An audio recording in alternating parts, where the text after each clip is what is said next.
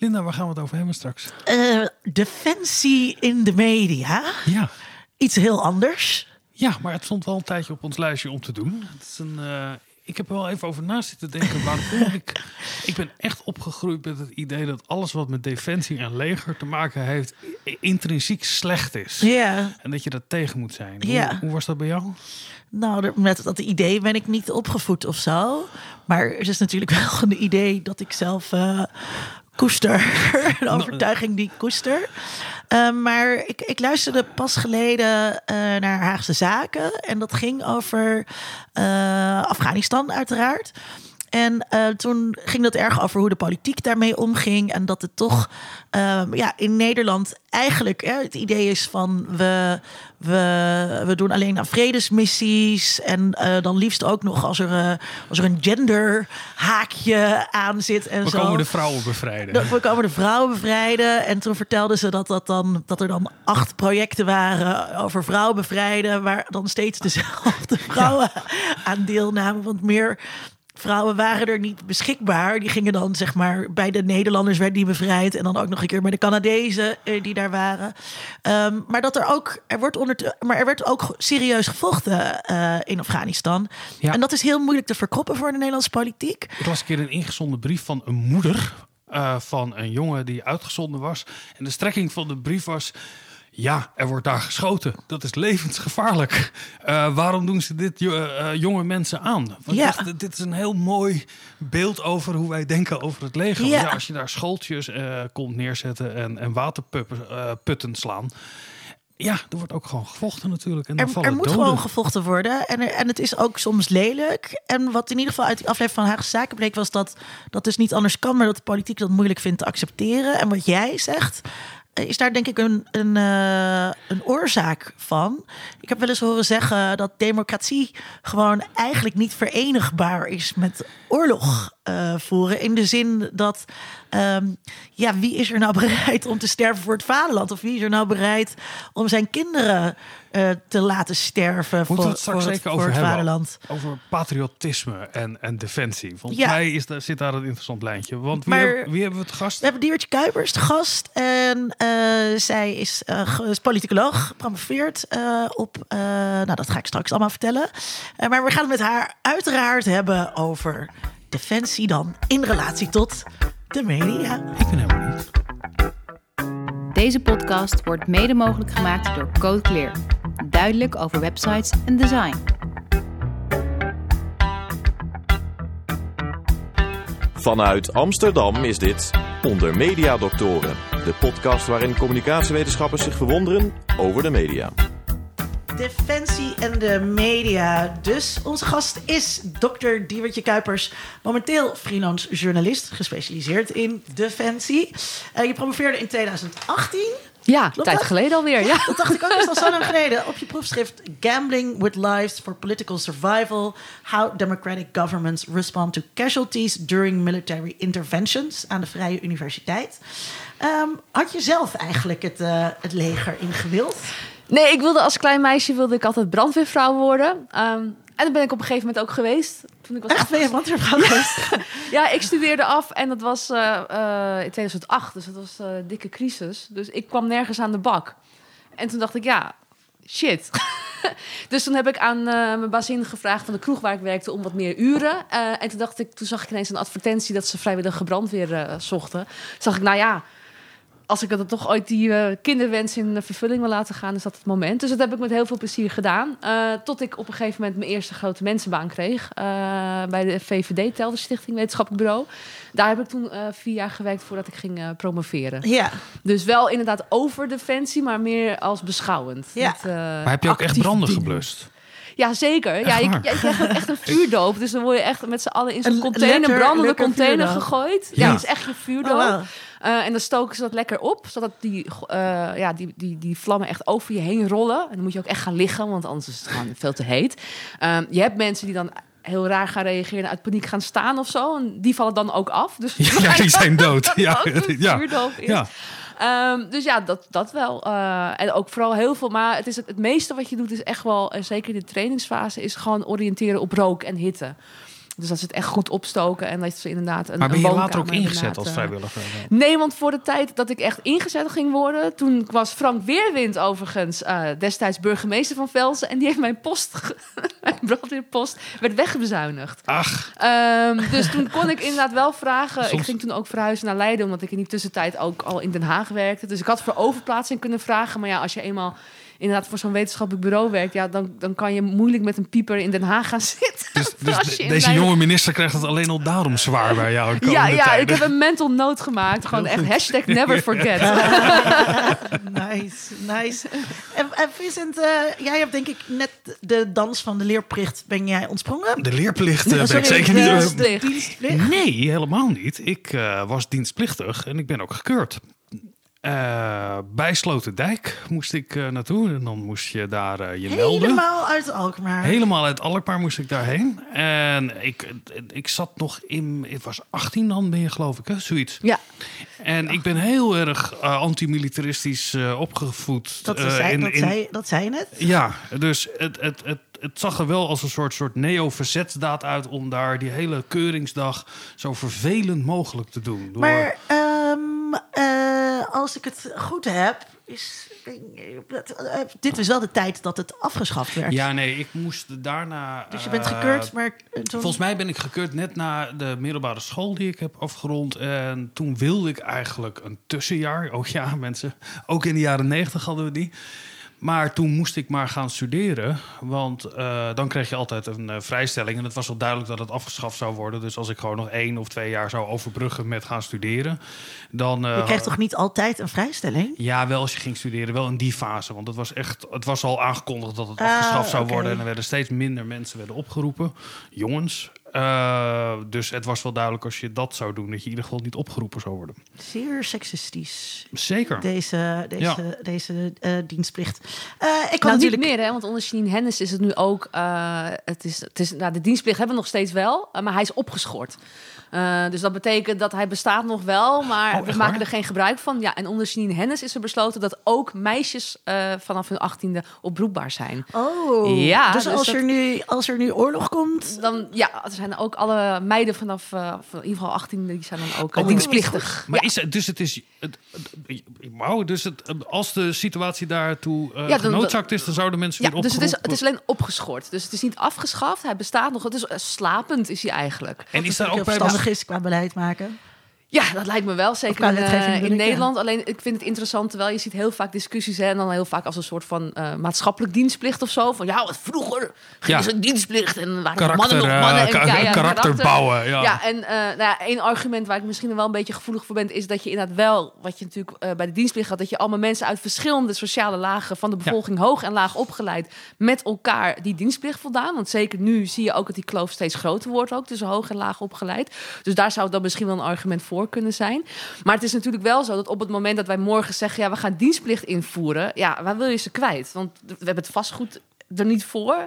Eh, wat er is, is in- ook niet altijd in beste staat, zou ik maar zeggen. De barakken Ehm, die er zijn. is geen opleidingscapaciteit om het ook allemaal in goede banen te leiden. Maar dus is er ook beschreven onder welke voorwaarden de dienstplicht dan weer actief gemaakt zou kunnen worden? dat zijn politieke voorwaarden. Dus die moeten dan nog besloten worden. Dat zou dan eh dat zou eh, dus beargumenteerd. Maar ik, voor zover ik weet, staat niet van we hebben hem opgeschort en alleen onder deze voorwaarden ja, als mag je er weer. bedreiging is bij de grens of Nee, eh, voor zover de ik weet is rechtsstaat dat... eh, eh, staat nee, onder dus het druk. is gewoon dan... opgeschort tot nadere orde. En Ja. wat dan die nadere orde is, moet volgens mij eh, eh, politiek ingevuld eh, Maar moeten dat worden. zou Maar- dus wel maat, ook een maatschappelijke dienstplicht kunnen zijn. We zouden dus ook wel kunnen zeggen: eh, de nood is, we gaan, de nood is nu zo hoog eh, in de zorg. Alle Boosterprikkers. moeten Ja. boosterprikken zetten. Ja, dat weet ik eigenlijk niet. Want dienstplicht is natuurlijk wel echt puur militair. En, Ja. en als je maatschappelijk is, toch weer civiel. Ja. Dus dan, dan zit je toch wel, zou ik maar zeggen, qua beleidsterreinen en een ja. heel ander domein. Ja. Ehm, dus ik, ik denk het eerlijk gezegd niet dat je dan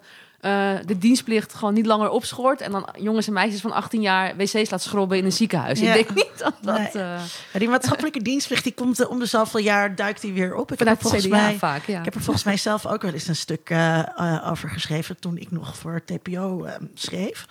Duizend jaar geleden. Daar kennen wij elkaar Eh, ook daar van. kennen wij elkaar, daar kennen wij elkaar van. Disclaimer.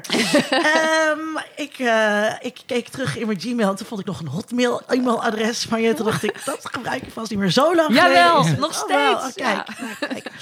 Ehm, e- even algemeen. Is defensie een populair onderwerp in de pers? Dat hangt er vanaf op welk moment. Eh, wat je heel vaak ziet is op het moment dat het misgaat, zoals bijvoorbeeld bij Afghanistan, dan is er ineens op korte termijn heel veel, eh, heel veel interesse. Maar als het echt gaat om intrinsieke interesse in de defensieorganisatie, dus wat het doet, wat het wel kan doen, wat het niet kan doen, eh, daar is eigenlijk, vind ik, journalistiek gezien wel te weinig interesse voor. Uh, want als ik bijvoorbeeld kijk naar welke collega's ik heb. Ja, je hebt bijvoorbeeld Olaf van Joden bij de Telegraaf. Die is echt defensieverslaggeving. Ja. Uh, die is daar goed in. Je had Jan Born bij een vandaag, maar die zit daar uh, nu niet meer.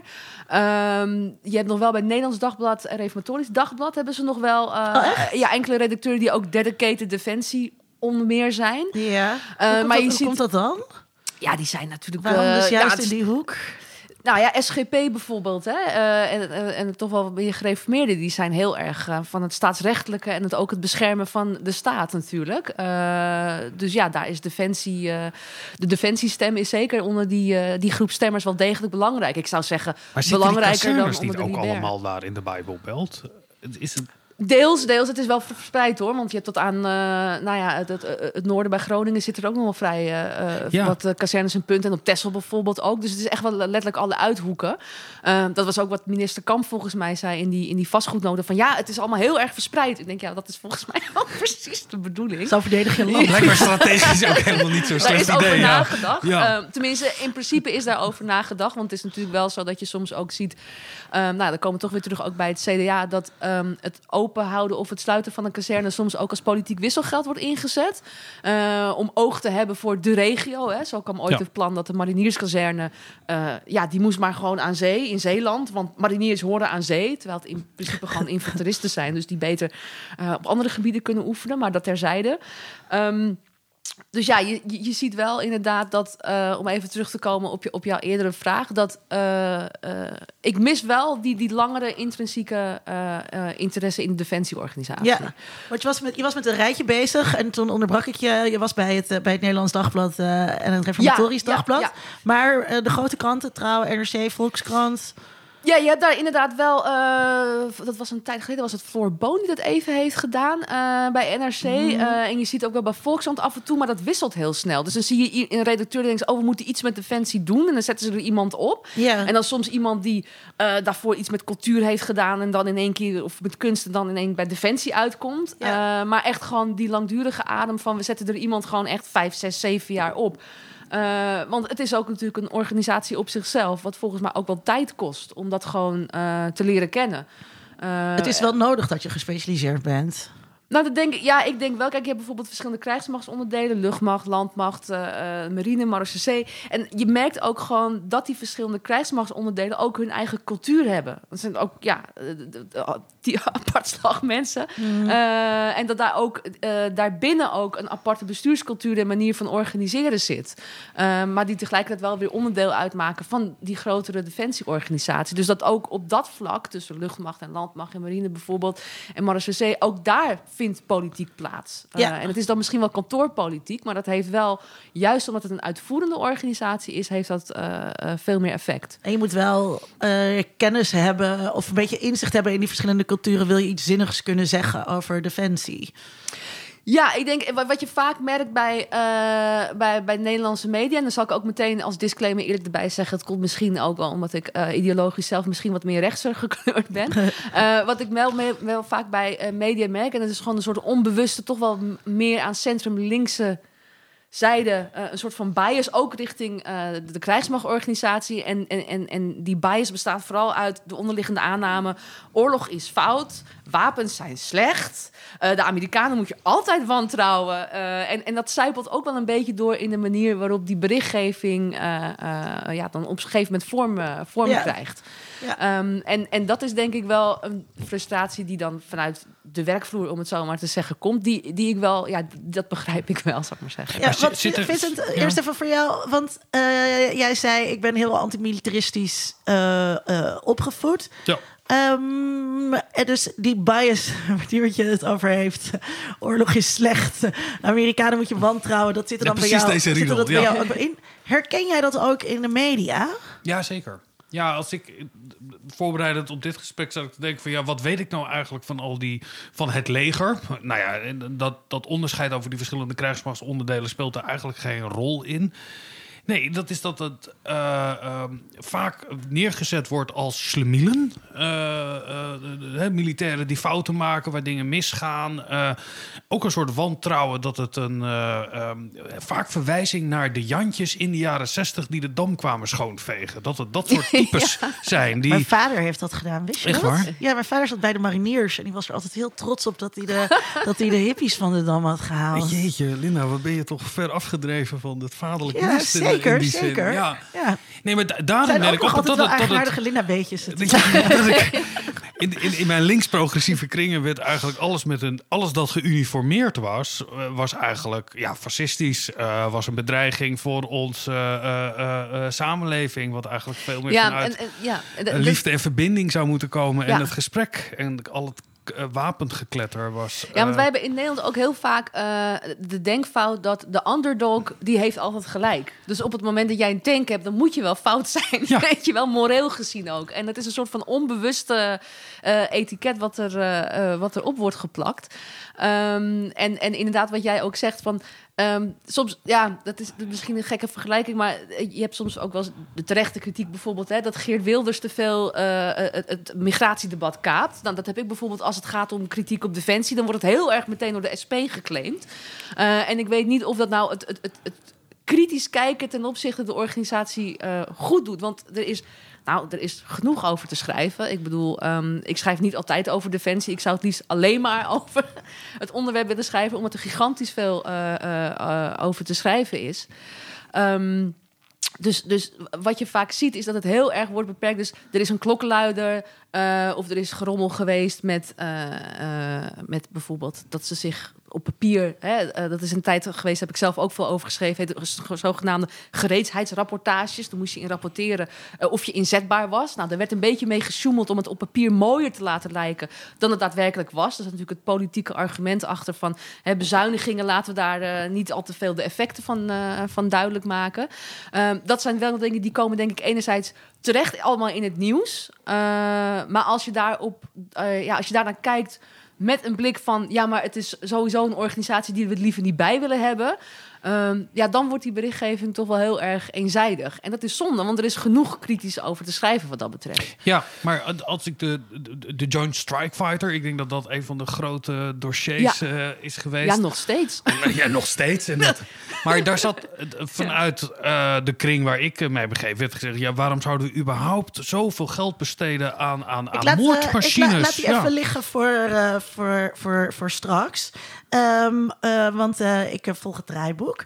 Ehm, ehm, en, en we zaten, dat, dat ging heel lekker mooi over. Want hoe ligt Defensie bij verschillende partijen? Je zei net al op links, of wat je, je insinueerde een beetje, het is een soort, eigenlijk hebben we dat, dat, hele, dat hele ministerie liever niet. Hebben we die kostenpost eh, eh, liever niet. Ja. Hoe zit dat, ehm, hoe, hoe zit dat bijvoorbeeld bij D66? Hoe, Ja. hoe, hoe, wel- hoe, hoe ja. staat de VVD tegen, hoe kijkt de, de VVD tegen Defensie aan? Ik weet dat eigenlijk helemaal niet. De PVV, Nou, ik, ja, ik denk dat het eigenlijk heel belangrijk is inderdaad... eh, voordat ik ga uitleggen inderdaad hoe de partijen een beetje erin staan... is het goed om te weten ook hoe verkiezingsprogramma's tot stand komen. Eh, die moeten niet alleen kieswijzer-proof zijn, maar ook CPB-proof. Want CPB die rekent alles door. en als jij eruit komt als de banenkampioen, dan zit je goed. Binnen het CPB-model is Defensie een kostenpost. Dus dat betekent dat op het moment dat jij in Defensie investeert... dan gaat dat gewoon ten koste van je baan. En als jij banenkampioen wil worden... dan wil je beter niet in Defensie eh, investeren. Ja. Dus dat is sowieso iets wat al als gewoon... onderwijs. Ja, ja, precies. Dat is sowieso inderdaad iets wat gewoon wringt. Eh, Defensie is een van die onderwerpen inderdaad... die wordt gezien als kostenpost in plaats van een investering. Of zelfs in dit geval gewoon het uitvoeren van je grondwettelijke taak. Maar daar komen we later nog op. Ehm, dus dat is één. Ehm, en wat, wat je met name... ehm, ziet, kijk, je, je verwacht altijd, en dat heb ik ook in mijn promotieonderzoek wel gezien, net dat meer de traditioneel centrumrechtse partijen, die zijn meer voor stevige rechtsstaat, eh, geld voor defensie, geld voor veiligheid en justitie, geld naar Law and de, order. de- de law and order en de rechtsstaat. Nou ja, nu eh, onder eh, Rutte, dat is best knap als liberale premier, is, eh, zijn juist die nachtwakerstaat is volledig uitgehold. Dus zowel OM als justitie als defensie. Ehm, eh, dat heeft ook deels te maken met coalitiepolitiek, maar dat heeft denk ik ook wel deels te maken met dat de VVD in die zin wel afgelopen jaren van haar ja, liberale grondbeginselen, zal ik maar zeggen, is, is af, afgedreven. D66 natuurlijk ook liberaal, maar wat meer aan centrum, ja, centrum-linkse kant. Maar meneer centrum, denk ik eigenlijk. Ehm, en die is heel erg op internationale eh, samenwerking, met name binnen Europa. Eh, dat is denk ik het grote verschil tussen centrum links en centrum rechts. Centrum rechts zoekt die samenwerking met name binnen de NAVO en dus met die vermalendije rot-Amerikanen die je eigenlijk niet moet vertrouwen. Ehm, en partijen zoals D66, maar bijvoorbeeld ook GroenLinks, eh, die zitten veel meer op van nee, doe het lekker binnen de EU. Dan zijn we niet langer afhankelijk van, eh, van Amerika. Ehm, onder Trump hoorde je overigens dat soort geluiden ook langzamerhand komen vanuit het rechterspectrum. Dat die ook dachten van ja, misschien moeten we ons ook niet zo... Maar ja, nu zit Biden er weer en is alles weer gewoon lekker zoals het was. dus kunnen we gewoon verder met business as usual. Ehm, en ik denk dat bij D66 niet zozeer het argument van het bewaken van de rechtsstaat zit. Zoals je die bijvoorbeeld bij de SGP heel erg zuiver eh, erin ziet hebben. eh, en in de meer rechtertak van de VVD en de CDA dat in hebben. Maar D66 zit er ook veel meer vanuit meer dat vrije marktdenken. Ehm, dus D66 heeft heel sterk de aanname van... ja, we hebben vijf verschillende wapensystemen. Dus waarom doen we niet gewoon één wapensysteem? Dat is veel goedkoper en veel makkelijker. Ehm, ja, dan heb je natuurlijk wel weer de strategische tegenwerpen... in dat ondertussen eh, ja, zitten we wel in een land waar bijvoorbeeld Frankrijk Duitsland afluistert. Want bondgenoten luisteren elkaar heel graag af om te weten of ze nog wel vriendjes zijn. Oh ja? Eh, ja, ja, zeker. Dus het is nog maar de vraag of er binnen die constellatie het überhaupt mogelijk is om op die m- mate, de, de, de vertrouwen voldoende is om op die mate zo sterk samen te werken. Maar dat is wel echt typisch D66. Die zien dat echt als van een soort van ja, economies of scale. Hè? Van waarom zou je inderdaad vijf verschillende wapensystemen hebben als je het ook gewoon Europees kan regelen met één. Ehm, de praktijk daarin, ja, daar kunnen we misschien later over hebben. eh, hoe landen reageren in oorlogstijd. Laat toch wel zien dat ze toch eh, heel erg richting die natiestaat gaat. Dus of Ja. het Europese regelen is, is nog maar de vraag. Maar ik denk dat dat inderdaad, als het gaat om defensie en politieke partijen, dat die as van eh, die internationale samenwerking, hoe, in welke constellatie geef je die weer? Dat daar de rechter, centrum rechts meer richting NAVO neigt en de Amerikanen. En eh, centrum links wat meer eh, richting de EU. Ja. Ehm, dat is één ding, waar, op as je op, op het kan verdelen. Eh, waarbij bij, ja, de SP eigenlijk net zoals alle andere socialistische partijen in Europa... heel erg duidelijk is die gewoon het liefst gewoon helemaal niet. Hè, dus het liefst gewoon minder. kleinere krijgsmacht, zeker niet zoveel met de NAVO... zeker niet afhankelijk zijn van de Amerikanen. Want Nederland, ja, als je kijkt naar het buitenlands beleid... wij volgen wel altijd heel erg graag de Amerikanen. Ehm, dus ik denk dat daar toch wel het meeste verschil eh, zit.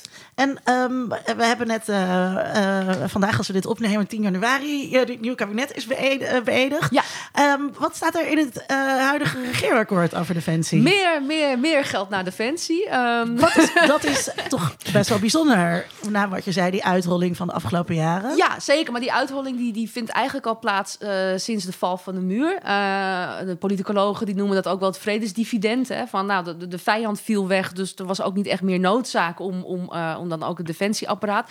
eh, wegvallen van de dienstplicht heeft dat eigenlijk natuurlijk nog meer, eh, nog meer versneld. Zeker in de jaren negentig was ook het idee van die internationale rechtsorde. Hè, ging het niet zozeer om het beschermen van het eigen grondsgebied, maar meer het bewaken van die internationale rechtsorde. En dat moeten we via de Verenigde Naties doen. Dus dan kreeg je ook hè, die, die, die missies in het voormalig Joegoslavië, maar ook in, in, in Somalië en in, in Zaire en dergelijke. Dus eh, dat was toen heel erg het idee. Ehm, dat is wel een beetje veranderd na 9-11. Ehm, maar als je ook wel kijkt, er zijn wel kleine bumps dat er wat meer geld is gekomen. Want ik heb ooit voor Follow the Money eh, zowel de begrotingen als de jaarrekeningen van Defensie van 15 jaar naast elkaar gelegd. En dan zie je dat er af en toe, zeker na 9-11 en ook na onze interventie in Irak, dat er dan wel weer wat geld wordt vrijgemaakt. Maar dat over de lange termijn, als het gaat echt om investeringen, dus R&D. ehm, maar ook bijvoorbeeld het loon wat meegroeit met inflatie. Dat het op dat soort dingen wel heel erg eh, eh, achter is gebleven. Maar hoe kwam eh, het, het extra budget wat beschikbaar kwam rondom die periodes? Was dat onder druk ook van bondgenoten dat er op dat moment meer geïnvesteerd moest worden? Of was het een, een, een nationale overweging Ja, van dat moet wel gebeuren? Ja, ook wel vrij eh, incidentgedreven. We hadden op een gegeven moment ook de aanschaf van eh Bushmasters. Dat was dat Nederland in Afghanistan eh, was. Als ik me niet vergis, 2005. Dat zijn die gepantserde 6. auto's, toch? Ja, we hadden inderdaad gepantserde voertuigen en die bleken niet bestemd tegen die bermbommen. Dus toen moest er Ja. echt wel snel geld vrij worden gemaakt, want die missie was eenmaal lopende. Ehm, en dat is wat ministers altijd zeggen van, ook al zijn er tekorten, ook al is er niet al te veel geld, we zorgen wel dat de mensen in missiegebied de spullen hebben die ze nodig hebben. Ehm, dat was onder Janine Hennis werd dat zelfs werd dat heel moeilijk vol te houden, want er zaten mensen ook gewoon eh, op missie, ondanks dat Defensie dat heel hard heeft ontkend, zaten ook op missie gewoon zonder munitie. Ehm, dus je ziet wel ook in Nederland en ook in andere landen is dat heel erg incident gedreven. Want als het bijvoorbeeld gaat hè, over de bondgenoten en eh, ja, bij de NAVO is de 2% norm. Nou, dat is niet echt een harde norm, maar dat is een afspraak dat je in ieder geval 2% van je, van je eh, bruto nationaal product besteed je aan defensie. Ehm, dat zegt natuurlijk niet altijd zoveel. Want bijvoorbeeld Griekenland, hè, vanwege het conflict met Cyprus, die geven wel die 2% uit. Maar op het moment dat de militairen op de mat moeten komen, zal ik maar zeggen, eh, en ze mee moeten doen bij een militaire missie, dan zijn ze vaak nergens te bekennen. Dus eh, er is een verschil tussen, dat noem je dan financiële burden sharing en risico sharing. Dat je dus ook op missie daadwerkelijk het, het risico loopt. Ehm, dus wat je met name ziet is eh, eh, dat die 2%-norm, die is, daar is altijd over gemopperd vanuit Washington. Eh, sommige mensen zeiden van ja, oh Trump zegt het nu. Nou, dat is echt totale onzin, want het eigenlijk al vanaf George Bush senior wordt er al over gemopperd. Dus ook zijn, zijn opvolgers hebben daar meermaals ook op gewezen. Ehm, door de jaren heen bij elke NAVO-top is dat wel een keer te sprake gekomen. Dus ja, Trump zei het alleen ja, op zijn Trumps. Dus dan blijft het blijkbaar bij media wel in één keer plakken. Ja, Ehm, en verbond er ook een consequentie aan. Ja, Wat hij volgens mij onder de, hardere de, de taal. Bushes eh, niet gebeurde zo duidelijk. Nee, want dat is natuurlijk wel zo. Want wat Nederland vaak ook vergeet van... eh, eh, eh, Nederland op missie maakt ook heel veel gebruik van NAVO-infrastructuur. Ehm, dus wat telecommunicatiemiddelen of middelen... ehm, wat de Amerikanen daar al eh, ter plekke aanwezig hebben... of hebben opgebouwd. Zeker omdat wij als Nederland vaak bij missies aansluiten... bij de Amerikanen die al ergens zijn. Of Mali is een uitzondering bij de Fransen die al ergens zijn. Dus wij maken toch wel gebruik ook van militaire infrastructuur... van grotere eh, bondgenoten. En dat wordt vaak wel over het, eh, over het hoofd gezien. Dat ook op die manier maak je gebruik van elkaars capaciteiten. Dat is mooi. Maar je moet het eigenlijk, ja, dat is natuurlijk een hele flauwe vergelijking. Maar dat komt wel op neer. Als wij lekker met z'n drieën gaan eten. En elke keer als er rekening komt, ga ik naar de wc. Ja, dan op een gegeven moment ben je er wel een beetje zat. Ehm, en Trump heeft toen inderdaad gewoon gezegd: Nou, dan krijg jij de volgende keer gewoon gaan eten. Als je Ja. niet die Ja, of we stappen eruit Ja, uit deze, precies, eh, precies. Wat, wat, wat, Ja. wat toch veel groter zou Precies, zijn. precies. Maar goed, regeerakkoord, eh, meer geld. Ja. Ehm, hoe komt dat?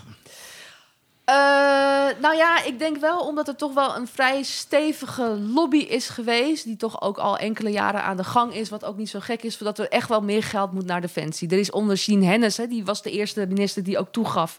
Nou, dat is alweer een aantal jaren terug. Dat we grondwettelijke taken niet eens meer uit kunnen voeren. Ehm, en op een gegeven moment kom je wel op een situatie dat het gewoon buigen of barsten is. Ehm, ik vermoed zelf, eh, maar dat, dat, is, dat is wel speculeren. Dat kijk, Rutte houdt niet zo van harde keuzes maken. Maar ja, niets doen heeft ook zijn consequenties. Nou, dat niets doen en dat pappen en nat houden... Nou, heeft nu wel een consequentie dat het buigen of barsten is geworden. Ja. Dus dan moet je op een gegeven moment wel wat geld erbij doen. Ehm, En, het is, en er wordt nu überhaupt gestrooid met miljarden. Dus ja, dat is ook heel vrij interessant. Ik vraag me ook inderdaad af, want dat zie je ook wel weer. En zeker als het gaat om defensie, eh, de diverse eh generaties van de krijgsmachtsonderdelen. Dus zal ik maar zeggen, de, de bazen van het leger. Die hadden inderdaad een bedrag genoemd. En nu weet ik dat bedrag niet meer uit mijn hoofd. Dat is heel erg. Dat is niet zo volgens erg, mij, nou, laat ik, zo- volgens mij hadden ze 6 miljard genoemd, wat minimaal nodig was om de krijgsmacht weer te herstellen. En dat betekent dus dat alles wat je nu op papier hebt, om dat te laten werken, heb je 6 miljard nodig. Ja. Volgens mij hebben ze er vier bij gekregen. En is In ieder geval, daar zit een gat. En is dat wat ze bijgekregen hebben, is- is dat, eh, is dat een incidenteel of is dat een eenmalig eh, potje? Of komt er structureel meer geld voor Ja, er zit wel structureel komt er meer geld bij. Maar de vraag is natuurlijk van ja, als dat niet genoeg is. Eh, om te herstellen wat je hebt, dan zal je op een gegeven moment toch dingen moeten afstoten. Ja. Dan zal je op een gegeven moment toch harde politieke keuzes moeten maken. En met Ehm, afstoten bedoel je bepaalde onderdelen binnen de krijgsmacht? Ja, dat je bijvoorbeeld zegt, eh, kijk nu, eh, we hadden de tanks bijvoorbeeld wegbezuinigen en die leasen we nu samen met Duitsland. Nou, dat is een leuke kostenbesparende oplossing. Ja. Maar dat kan je niet met alles doen en het is heel vaak... Zou er ook een showroom zijn waar je dan langs kan lopen en zeggen, nou, doe mij, Noord-Koreaanse ja, parade, ja, weet doe er mij maar leuke- 60. Ja. Want dat, dat soort beurzen wel bestaan, toch? Ja, precies. Dus dat is natuurlijk wel gewoon de vraag. Want je hebt eigenlijk twee keuzes. Hè? Want Nederland is een vrij klein land. En we willen heel graag van alles wat een beetje kunnen. Maar op een gegeven moment, en dat is ook hè, wat, wat, wat Janine Hennis destijds al meermaals heeft geroepen. Van, ja, het is op een gegeven moment use it or lose it. Dus je moet onderdelen wel echt gaan gebruiken. En dan moet je soms ook de consequentie daaraan hechten. Kijk, als jij continu roept van... ja, ehm, de bondgenoten willen graag... dat wij, we zijn heel goed in luchtsteun geven. En onze special forces zijn heel goed. Van korpsmariniers en korpscommandotroepen. Dan kan je je voorstellen dat jij dan zegt van... nou, oké, dan gaan we dus dat heel goed doen. En de rest gaan we in overleg met onze bondgenoten afstoten. Hè, maar dan krijg je dus wel, en dan kom je weer op het soevereiniteitskwestie... en wat ga je met wie hoe oplossen? Als jij bijvoorbeeld zegt van ik ga me daarin specialiseren... dan betekent dat je voor al het andere dus afhankelijk bent van je bondgenoten. Ja. Eh, en, en dat is toch altijd wel een beetje spannend. En, en hoe is die relatie tussen eh, de mensen die, eh, hè, de legertop, zeg maar, en de, de Nederlandse regering? Want als je even de vergelijking zou maken met het onderwijs, hè, dan kunnen mensen zich heel goed over uitspreken. Over de Ja. zorg zie je Ja. dat, dat, dat er mensen zijn die zich uitspreken. Maar Defensie lijkt mij toch een andere soort relatie hebben met Ja, eh, de zeker. Er regering is dan zelfs, eh, al die andere groep. De Oekase kok is ook nieuw leven ingeblazen. Hè? Dat, dat je dus niet zomaar als ambtenaar met, eh, nou, met, met buitenstaanders, zoals eh, Kamerleden, maar ook journalisten mag praten. Eh, er was zelfs inderdaad een aanwijzing ook om de Bijleveld. Hè? Nou, daar werd door woordvoering bijvoorbeeld van gezegd: ah nee joh, dat is helemaal niet, echt geen aanscherping. En dat is alleen maar, staat een beetje op papier. Dan, nou, als het niet belangrijk is, is het Maar vraag. dat geldt dan voor alle militairen die... Ja, ja, ja. En dan, dan hoor je dus inderdaad via bronnen, hè, via- vanaf de wandelgangen, zal ik maar zeggen, vanaf de werkvloer, hoor je dan van nou, dat dat toch echt wel pittig wordt gehandhaafd. Ook tijdens vergaderingen. Van nou ja, hè, pas erop, alles blijft hier binnen vier muren, want anders heb je een probleem. Ehm, ja, dat, dat, dat maakt het wel heel moeilijk. Eh, en dat, Maar ik hoor wel eens iets van een, een vakbond is er, geloof Vincent, ik. Vincent, mag ik even? Ik, Ja. ik onderbreek je even, want ik wil even bij het, bij het draaiboek eh, een, beetje, een beetje blijven. eh zodat we eerst even, eh, eh, ehm, even wat dingen verduidelijken. Je hebt het Ja. steeds over eh, grondwettelijke taken. Wat, Ja. wat zijn dat? Nou, ehm, er zijn eh, drie hoofdtaken. Ja, ik hoop ook weer, want dit weet ik niet helemaal precies uit mijn hoofd. Wat heel ernstig is, want ik zou dit natuurlijk moeten kunnen dromen. Maar het gaat allereerst over de bescherming van het eh, bondgenootschappelijk grondgebied. Eh, dat is een gevolg van de NAVO. Want eerst in principe gaat het natuurlijk om Nederlands grondgebied. Maar omdat wij in de NAVO zitten, hebben wij de afspraak gemaakt dat we een gemeenschappelijk bondgenoot grondgebied beschermen. Want een aanval tegen één is een aanval tegen alle. Hè, dat is het artikel 5 van de NAVO. Dat is ook de reden waarom we bijvoorbeeld in Litouwen zitten met militairen om dat grondgebied te beschermen. Eh, daarnaast is het ook eh, ondersteuning eh, tijdens bijvoorbeeld rampen, evacuaties. Nou, ook in de coronacrisis. Dat is ook een duidelijke taak ook van, van Defensie. En de derde taak is, en die is een beetje murky, zal ik maar zeggen, dat is het bevorderen van de internationale rechtsorde. Ja, dat is maar net wat je ervan maakt. Eh, want ja, je kan ook zeggen, als je wil, zou je kunnen beargumenteren dat om het te bewaken van de internationale rechtsorde, dat we Noord-Korea moeten binnenvallen. Of Ehm, Qatar? of Qatar, dat kan van alles wat zijn. Ehm, dus dat is wel een, een, een, eh, eh, een taakstelling die denk ik het meest gevoelig is eh, voor politieke invulling en politiek opportunisme. Eh, omdat je zeker met name van hè, de bescherming van een bondgenootschappelijk grondgebied is gewoon duidelijk. Eh, ondersteuning bij rampen en evacuaties. Eh nou ja, evacuaties ook van ambassadepersoneel. ja, dat is vrij duidelijk. En het Ja. derde, dat, dat, is, dat ja, is heel gevoelig voor politisering, zou ik maar zeggen. Ja. Je proefschrift gaat ehm, eh, eh, over de omgang met militaire verliezen. Ja. Ehm, we hadden het in de intro er heel even over, eh, voordat jij er was, kijk even vooruit. Dat dat, dat wiens moeder, welke, welke ouder wil nou eigenlijk dat, dat hun kind ergens gaat vechten op het moment dat wij, dat wij mensen verliezen? Ehm, eh, dat, is, dat is natuurlijk ontzettend pijnlijk Ja. in een democratie. Democratieën zijn daar helemaal niet geschikt voor, voor, eh, eh, voor, voor oorlog. Ehm, verandert die positie nou van politieke partijen als de militaire verliezen stijgen? Ja, ik heb op twee niveaus gekeken. Dus ik heb gekeken of ze in woord hun communicatie gaan aanpassen en of ze hun daden gaan aanpassen en of dat in lijn is met elkaar. Eh, spoiler, nee. Oh, Heel gek. Ja, dat verwacht je Ehm, toch dus ook de praatjes niet? zijn anders dan de daadjes. Nou, dat zou je nooit verwachten natuurlijk van politici. In onze Eh, technocratische democratie. Eh, wat je vooral merkt dat op het moment dat er militaire slachtoffers vallen, ehm, dan nemen met name regeringspartijen meer afstand van defensie. Dus dan gaan ze minder over defensie praten in hun verkiezingsprogramma. Ehm, terwijl juist eh, eh, oppositiepartijen gaan juist iets meer over defensie eh, praten. Ehm, dat herken je bijvoorbeeld ook wel eens in de Tweede Kamer als het gaat over bijvoorbeeld, kijk, als het militaire slachtoffers zijn gevallen, je gaat niet letterlijk over lijken om je standpunt te maken. Dus wat je dan gaat zeggen en hoe je dan oppositie gaat voeren, is van ehm, het had beter gekund. Of we moeten hiervan leren. Of SP gaat dan bijvoorbeeld heel erg sterk zitten op de arbeidsvoorwaarden en die zorg voor personeel. En dat is niet een inherent antimilitaristisch standpunt wat ze op zo'n moment in een debat innemen, maar het is wel eh, kritiek op eh, de consequentie van militaire slachtoffers. Ehm, wat interessant was, want ik heb dit eh, samen met mijn collega Gijs Schumacher toen destijds gedaan. Wij hadden verwacht dat het veel meer langs ideologische lijnen zou lopen. Dus rechts, links, weet je wel, conservatief of progressief. Maar je positie in de regering is veel meer een verklarende factor voor hoe je je gedraagt dan eh, je politieke kleur. Dus of je in de regering of de oppositie zit, dat verklaart veel. Dat is een veel voorspellendere factor van hoe jij op slachtoffers reageert dan je politieke kleur. Dat is wel Ehm, interessant. Had je dat, had je dat verwacht, Vincent? Nee, ik zit even te denken naar, naar de incidenten die er zijn geweest in de afgelopen jaren. Het is ook heel begrijpelijk natuurlijk dat als je in een coalitie zit en je draagt daar met elkaar verantwoordelijkheid voor, dat je niet dat moment aangrijpt. Dat zie je natuurlijk bij elk politiek incident dat er plaatsvindt. Eh, dat je als regering met één mond spreekt en de partijen die erin zitten. Ehm, wat ik, ik, ik vraag me heel erg af hoe je in je eigen onderzoek, je zegt er wordt er meer of minder over gesproken. Hoe heb je dat eigenlijk onderzocht? Is dat, gaat het dan over de, de, de regeer, eh, tenminste de, de, de Ja, verkiezingsplannen? de verkiezingsprogramma's. Dus je hebt dat eh, Manifesto Project heeft inderdaad van alle Europese landen de verkiezingsprogramma. Die zitten daar gewoon in. En daar heb je inderdaad van die indexes. Want we hebben niet alleen gekeken of ze meer of minder erover gaan praten, maar ook positief of negatief. ja. En daar zie je inderdaad ook dat, eh, dat er dan negatief wordt, wordt gesproken. Dus het is echt een soort van blame avoidance. Hè? Dat je het van je af gaat schuiven en van ik heb hier niks mee te maken. En het is een soort van blauwe belasting-envelop die ik niet open en ik, weet hier niks van.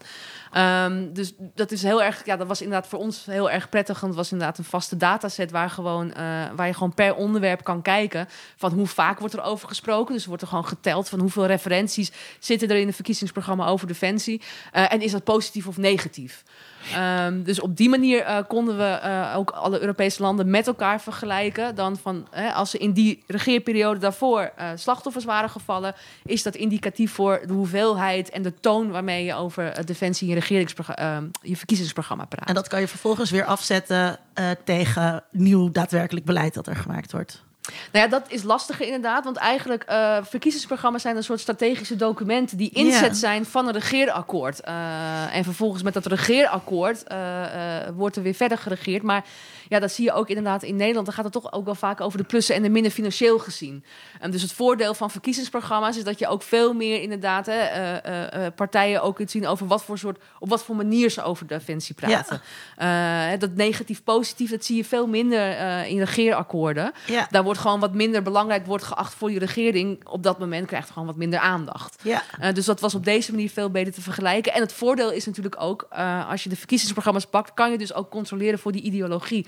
Omdat je natuurlijk van de partijen zelf uh, die programma's hebt. Diebertje, voor de aflevering vertelde je dat je eh, bij Vrij Nederland werkt en dat je daar meer naar de proceskant gaat kijken. En niet Ja. zozeer naar de persconferenties. Dat is precies eigenlijk waar dit, wat je, wat je natuurlijk in je onderzoek ook hebt gedaan. Hè? Wat staat in Ja. Verkiezingsprogramma's? Hoe, uh, hoe gebeurt het dan ver, ver, vervolgens? Wordt er op dit moment, um, ja, hoe goed of hoe slecht schrijft de pers over, over dit defensiebeleid en wat partijen willen?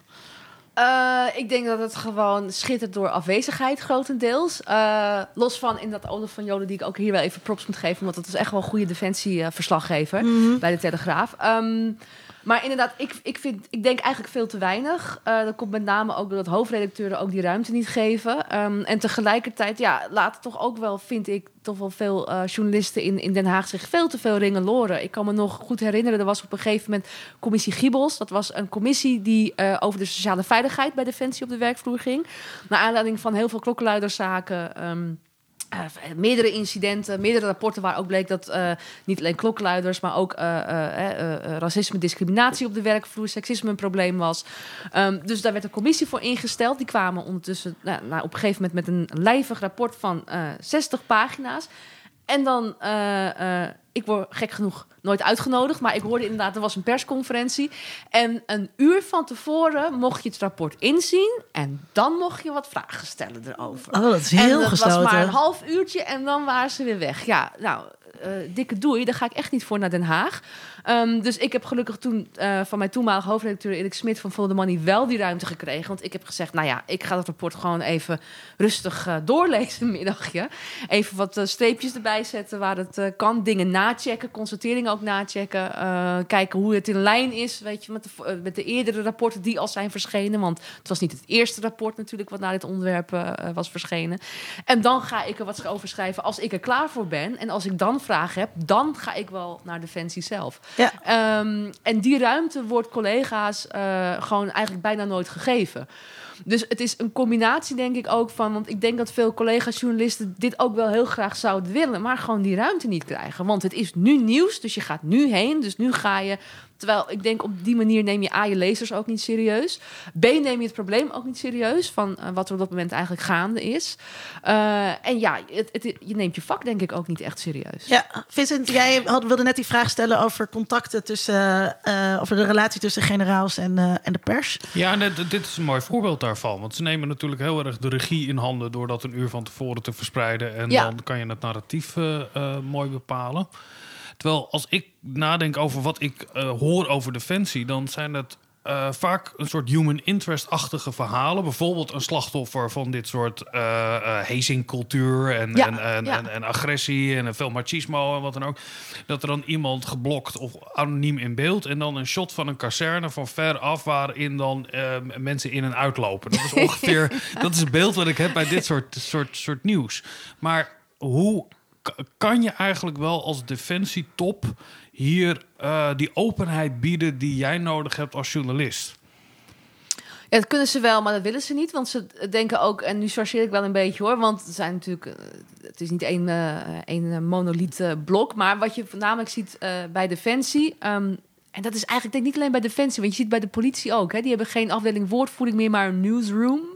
Uh, je ziet ook dat Defensie zelf documentaires gaat maken ja. op YouTube. Uh, ja. Hebben we ook gezien. Uh, Discovery Channel hadden we ook inderdaad doorgestuurd. Ja, daar komen we straks ook nog even over. Daar gaan we straks ook nog even... Nou, daar komen we straks dan uitgebreid inderdaad op terug. Maar je ziet dat ze gewoon nou, zelf... Dat mag ook wel hier trouwens. Ja, ze, gaan, ze gaan, ze gaan zelf ze een beetje... Eigen, ja. ja, ze gaan maken hun eigen content. En ze gaan zelf documentaires maken en kijkjes achter de schermen. Um, dus dat narratief nemen ze zelf heel erg in handen. Uh, maar ja, dat is misschien wel leuk, maar met journalistiek heeft het natuurlijk geen ene ruk te maken. Maar dat is, het is um, wel, ik, uh, ik, uh, ik had inderdaad um, toevallig geluisterd naar de podcast reeks Below the Radar, Above Yourself. ja. branded content van het ministerie van Financiën, mede gemaakt door een van onze oud-vrijwilligers en nu podcastheld Volkert. Uh, Volkert Koelhoorn. Uh, en uh, podcast um, ook prijs voor, voor gekregen. Het is heel, het is heel interessant. Um, voor mij als, als dat vond ik heel wonderlijk, want ik ben natuurlijk ook een beetje anti-leger. en ik was heel, heel verbaasd dat ik het zo interessant vond. Um, maar er, er is nog veel meer. De YouTube-serie Ik Word Wachtmeester bijvoorbeeld. Op Discovery zijn het al. Nederland strijdt tegen corona. Over hoe het Ja. leger daaraan bijhelpt. we zien dat natuurlijk ook op andere plekken, zeg maar. Uh, in. Uh, in um, Er zijn toch ook dramaseries uh, waarin Defensie heel actief heeft meegeholpen? Nou ja, ik heb op een gegeven moment in dat artikel geschreven Follow the Money en heb ik inderdaad juist hiernaar onderzoek ook gedaan, dat branded content. Want ja. wat je vaak hebt, ik wist dat toen destijds helemaal niet. Er ging echt de wereld voor me open. Ik denk, wat krijgen we nou? Want ik zag inderdaad ook Defensie heel erg druk twitteren. Oh, we hebben een nieuwe documentaire op RTL. Dan denk ik, RTL? En dan, en dan ga je kijken, maar dan hebben ze gewoon RTL tot bijvoorbeeld vier uur s middags of zo. Is gewoon zendtijd wat je in kan kopen. Dat is gewoon eigenlijk één groot lang reclameblok. En Defensie had daar gewoon eh, tijd ingekocht. En dan een business class, maar ja, dan, en dan een, ja. of, een of ander productiemaatschappijtje die eh, van, vanuit de, overigens vanuit de marine-industrie gefinancierd. Die gingen toen een of andere documentaire over het leven op een onderzeeboot. En dat, maar dat werd wel gepresenteerd alsof het eh, een RTL-documentaire was. En ik vind dat best wel schandelijk, want wat je dan eigenlijk ook gewoon doet, is je maakt misbruik van de associatie die mensen hebben met bijvoorbeeld de journalisten van RTL Nieuws, die altijd heel goed werk verrichten en bijvoorbeeld toeslagen blootleggen. Ja, ja, ja. Eh, en op die manier wordt er van die merknaam, eh, waar toch wel hard voor gewerkt is. Hetzelfde gebeurt ook TMG, hè, die doet het ook, van eh, Telegraaf.nl. Die heeft op een gegeven moment ook gedaan. Dagboeken van militairen in Afghanistan. Nou, totaal door Defensie geproduceerd. Niks met journalistiek te maken. Maar eigenlijk wordt gewoon het journalistieke merk gewoon eh, en ingezet voor, nou, niet meer dan gewoon staatspropaganda. En ik Maar- vind dat eigenlijk best wel kwalijk. Maar is, het, Ehm. is het, want dat, dat ehm, eh, Above the Radar Below Yourself gaat heel erg over hoe het is om te werken als een commando. Ja, Ehm, ja, dat, dat, is meer ook een soort achtergrond. Het, het, het wordt heel erg gedaan vanuit werken bij Defensie. Om Ja, reclame dus te maken. Ja, dat eh, vind ik dus ook echt iets anders. Ik zie dat wel Ja. veel meer als gewoon een, een recrutering... waarbij ze gebruik maken van... dat is toch niet zo middelen. heel erg? Nee, dan maken ze gewoon gebruik van middelen... om een jongere of een doelgroep te bereiken. En podcast is daar gewoon een, een heel goed middel voor. En zeker als het gaat om bijvoorbeeld korps commandotroepen. Nou, ik had ook eventjes eh eh, Koningsbrug, Kamp Koningsbrugge teruggekeken. En ja, dat soort programma's helpen wel... om een realistisch beeld te krijgen... van Ja. wat het is en wat het inhoudt. Ehm, je kan je natuurlijk wel principieel afvragen of de publieke omroep daaraan mee moet doen. Of dat dat misschien iets commercieel. Ik ben daar niet helemaal Ik over. zelf heb daar dan dus weer mega issues mee. Want ze zetten wel een realistisch beeld neer van hoe het is om te werken bij Defensie. Maar toch ook wel weer... uit. Rooskleurig. Een, roos, een rooskleurig beeld. En ik ben natuurlijk heel erg tegen dat, dat, dat inzetten van zulke soort middelen... om toch best wel een soort van on, eh, onschuldige, eh, kwetsbare... eh, veelal jongens te werven die misschien, als ze er iets beter over na zouden denken... helemaal niet willen sterven voor het Ja. vaderland. maar dat er zijn... Ja, ik, ik denk, kijk, ik- je, je merkt wel bij de Kamp Koningsbrug gaat het heel erg over wat er voor nodig is om die opleiding te kunnen voldoen. En dat, dat, dat wordt veel onderschat. Maar inderdaad, ik ben het met je eens. Ik vraag me af of dat echt. Kan dat niet gewoon via beter via gewoon werken bij Defensie? Want dat is het perfecte kanaal daarvoor. Dat het inderdaad ook duidelijk is. Moet je daar meewerken als als publieke omroep. Kijk, vanuit Defensie-oogpunt snap ik het heel goed. Ik vind het ook heel erg top dat ze het voor zichzelf hebben weten te regelen. Ik bedoel, die communicatiemensen hebben gewoon hartstikke goed werk verricht hierbij. Um, die hebben hun werk wel gedaan. Maar inderdaad, ehm, ja, Maar- ik denk maar dat als waar- journalist heb ik daar zeker wel mijn vraagtekens bij. Of, of, of, de, of ja, de Maar avond waarom hebben jullie hier vraagtekens bij? En als er een programma is over de zorg bijvoorbeeld, gaan de zorg werken, waar we meer inzicht krijgen in, eh, in een ziekenhuis. De zorg is geprivatiseerd grotendeels. Ja, nou ja, maar wel. En in de wel- zorg ga je niet ja. dood aan het Nou ja. werken. Daar kan wel, maar gebeurt toch een stuk minder dan, eh, dan, Nee, maar dan bij maar je vindt dus dat er een wezenlijk andere aard in, bij Defensie werken is anders dan in de En- zorg werken. Of in het onderwijs werken. Nou, of en en- een uitvoerende, een uitvoerende tak van de overheid. Daar gaat het om. En wat, wat ik ook mee vind spelen, en, eh, is, is natuurlijk ehm, wat, jij, wat jij zei, hè, er is weinig. Eh, of redelijk wei- relatief weinig journalistieke aandacht eh, hiervoor. Het ver- vereist specialisering voor journalisten. Voor journalisten. Ze moeten de tijd daar stoppen. Veel kranten hebben dat niet. Maar wat blijkbaar Defensie wel heeft, is een grote PR-afdeling. En ook een redelijk groot PR-budget. Ja. Om dit soort programma's allemaal mogelijk te maken. En dan zie je natuurlijk dat er een enorme Ja. mismatch ontstaat. Dat je aan de ene kant de voorlichters, de PR-mensen, de branded contentmakers hebt, die met meer zijn en meer geld hebben. En aan de andere kant de journalistiek, week. Die hier een, eh, een kritische waakhondfunctie op moet toepassen. Waar ze eh, veel minder eh, op, eh, op toegerust zijn en waar veel minder geld en tijd voor is. Ja, nee, maar dat is een probleem wat eigenlijk niet alleen bij Defensie speelt, maar denk ik in Den heel Den Haag. En want onder Rutte was volgens mij een vandaag die ook een WOP-verzoek toen had uitgedaan naar het aantal eh, woordvoerders en extern ingehuurden, die echt gewoon zijn verdrievoudigd onder Rutte. Eh, en dat merk je ook, hoor, want ik merk ook als Ik geloof dat het eh, 1 op 7 was, maar het is alleen maar ja, meer het geworden. Is, het ja. is echt alleen maar meer geworden. Eh, en daar valt ook inderdaad als journalistiek soms ook niet bijna tegen op te botsen ook gewoon. Ehm, wat, je, wat je wel inderdaad ook... Ja, dat, dat merk ik ook gewoon in, in, in, in, in eh, mijn werkzaamheden van... je belt voor wederhoor. En de ene keer heb ik Pietje, dan heb ik Jantje, dan heb ik Klaasje, dan heb ik... En dan gaat het allemaal om één dossier, hè? In één, voor één verhaal. En dan, heb je ook gewoon een vraag en dan zegt ze... Ja, het moet nog even door de lijn. En dan moeten nog gewoon twintig mensen hun plasje erover doen. Nou, dan krijg je vervolgens een halve pagina A4 aan gewoon gelul. Want ze doen zoveel mogelijk hun best om antwoord op ja-nee vragen. Dat bestaat niet hè, in Den Haag. Gewoon normaal concreet antwoord geven, dat is bijna het schier onmogelijk. Heel soms heb je dan wel een soort woordvoerder met vroeging die dan even daarna even nabelt van... Ja, weet je, het zit eigenlijk zo en zo, maar ja, dat kan... Eh, moeten, moeten, moeten mensen weer wat van gaan vinden. Ehm, en, en dat ja, bemoeilijkt het werk gewoon heel erg. Uh, omdat je ook vervolgens weer als journalist continu bezig bent om, om daar weer op te reageren. Dus wederhoor is ook al lang al niet meer, tenminste voor mij uit, is niet een vraag stellen. Dat is een vraag. En dan vervolgens, nee, dit vroeg ik niet, ik vroeg dit. Dan krijg je weer bullshit. Nee, ik vroeg dit niet, ik vroeg dit. En soms zit je gewoon vijf keer heen en weer te pingpongen. En dan moet je op een gegeven moment gewoon zeggen... nou, dan schrijf ik gewoon op dat je geen antwoord wil geven. Want dat geef je ook gewoon Maar vind je dat Defensie daar dan een, een uitzonderingspositie in mag hebben. Dat ze anders met uh, vragen omgaan van journalisten, bijvoorbeeld uh, in vergelijking met de politie. Nou, ik zou de politie en defensie juist op één lijn zetten. Want ik denk dat, uh, en dat is waarom ik, ja, dat is natuurlijk deels beroepsdeformatie natuurlijk, maar ook deels omdat ik het wel heel belangrijk vind om als er als journalist een belangrijke uh, overheidstak om te controleren is, dan is het wel die ene tak die het geweldsmonopolie heeft. Ja. Dus zowel defensie als politie, uh, als organisaties, die moeten echt wel heel kritisch ook gewoon bekeken. Omdat dat gewoon de ambtenaren zijn die geweld tegen je kunnen gebruiken. Dus onder welke voorwaarden dat gebeurt, wanneer dat wordt ingezet, hoe dat wordt ingezet, hoe dat wordt gefaciliteerd en gefinancierd. Uh, welke prioriteiten daarbij worden gelegd. Uh, dat, dat zijn hele wezenlijke belangrijke vragen. Verder, als het gaat gewoon om wederhoor. Kijk, als je, het hangt er ook van af of je uh, Den Haag een vraag stelt of de defensieorganisatie. Want daar zit ook wel een verschil tussen. En kijk, als ik bijvoorbeeld een vraag heb over, uh, uh, ja, ik noem maar dat, over korps commandotroepen, ja, dan ga ik naar de landmacht. Dan ga ik niet naar de plein, ga ik niet naar Den Haag, want dat is echt, dan gaat het echt over politiek. Dus pas zodra het, het bewindspersoon raakt, dan ga je naar Den Haag. ja, en wat dat betreft benader ik elk ministerie hetzelfde natuurlijk. Want dan ga je echt vragen naar de politieke verantwoording en de politieke eindverantwoording van beleid. Maar de, de, de incidenten waar jij over hebt geschreven, die vonden bijna zonder uitzondering of allemaal buiten Nederland plaats? Waar mensen uh, uh, gedood werden of uh, niet meer terugkwamen? Voor mijn promotieonderzoek ja. bedoel je? Ja, nou, daar heb ik echt inderdaad gekeken bij militaire inzet buiten de Nederlandse grenzen. dus dus ja, dat is ook om gewoon een vergelijkend onderzoek te kunnen maken over militaire interventies. Maar als je die vergelijking maakt met politie. Kijk, politie wordt altijd heel kritisch benaderd natuurlijk. En dat lijkt me heel uh, terecht over de dingen die in Nederland gebeuren. Ja.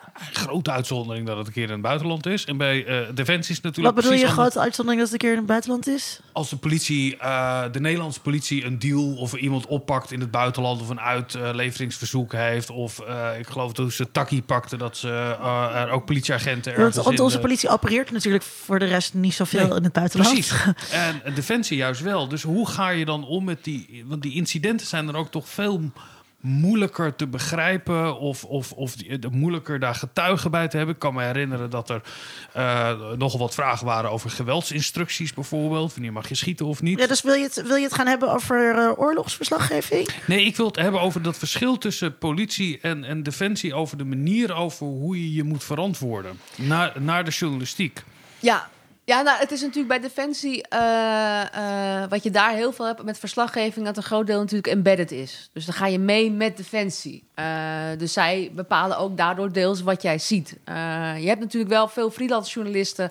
Het Bette Dam in Afghanistan is bijvoorbeeld zo iemand geweest die gewoon grotendeels ook gewoon zelfstandig op pad is geweest.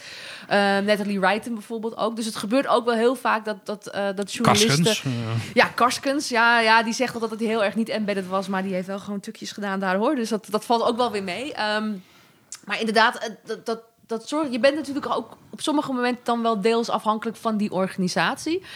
Mijn ervaring is wel als het gaat om het nagaan van bepaalde incidenten. Um, dan dan, dan uh, merk ik vaak dat het niet, ja, het is niet echt lastig om erachter te komen wat er is gebeurd. Of me- het is wel dat het is niet zo dat militairen helemaal niet met je willen spreken. Er wordt vaak gedaan vanuit de journalistiek ook alsof er een soort een of andere vage omerta of zo heerst en dat het gewoon een soort van, hè, eh, van, Ja, van, ja. eh, eh, eh, ja, van, van dat de journalisten altijd de vijand zijn. Maar wat wel denk ik meespeelt is, nou, wat net even over die linkse bias. Oorlog is fout, Amerikanen moet je niet vertrouwen, et cetera. Ehm, als jij met zo'n insteek, of dat is wel een beeld ook, wat bij militairen staat, waar je als journalist wel tegen moet vechten, of in ieder geval een soort van moet kunnen ontkrachten dat jij wel gewoon te vertrouwen bent en dat je je vragen stelt op basis van oprechte interesse in wat er is gebeurd.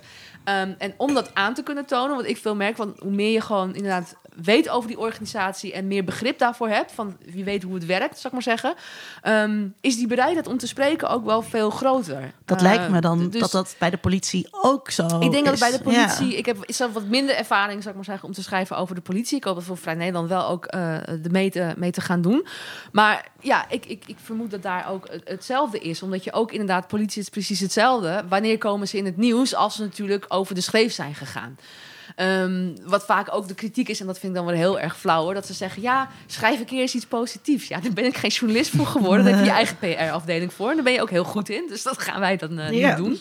Maar inderdaad, het is wel zo dat ehm, soms lees je wel eens dingen in het nieuws. eh, of laat ik het zo zeggen, soms krijg ik wel eens een tip binnen en dan bel ik hem na en denk ik van nou.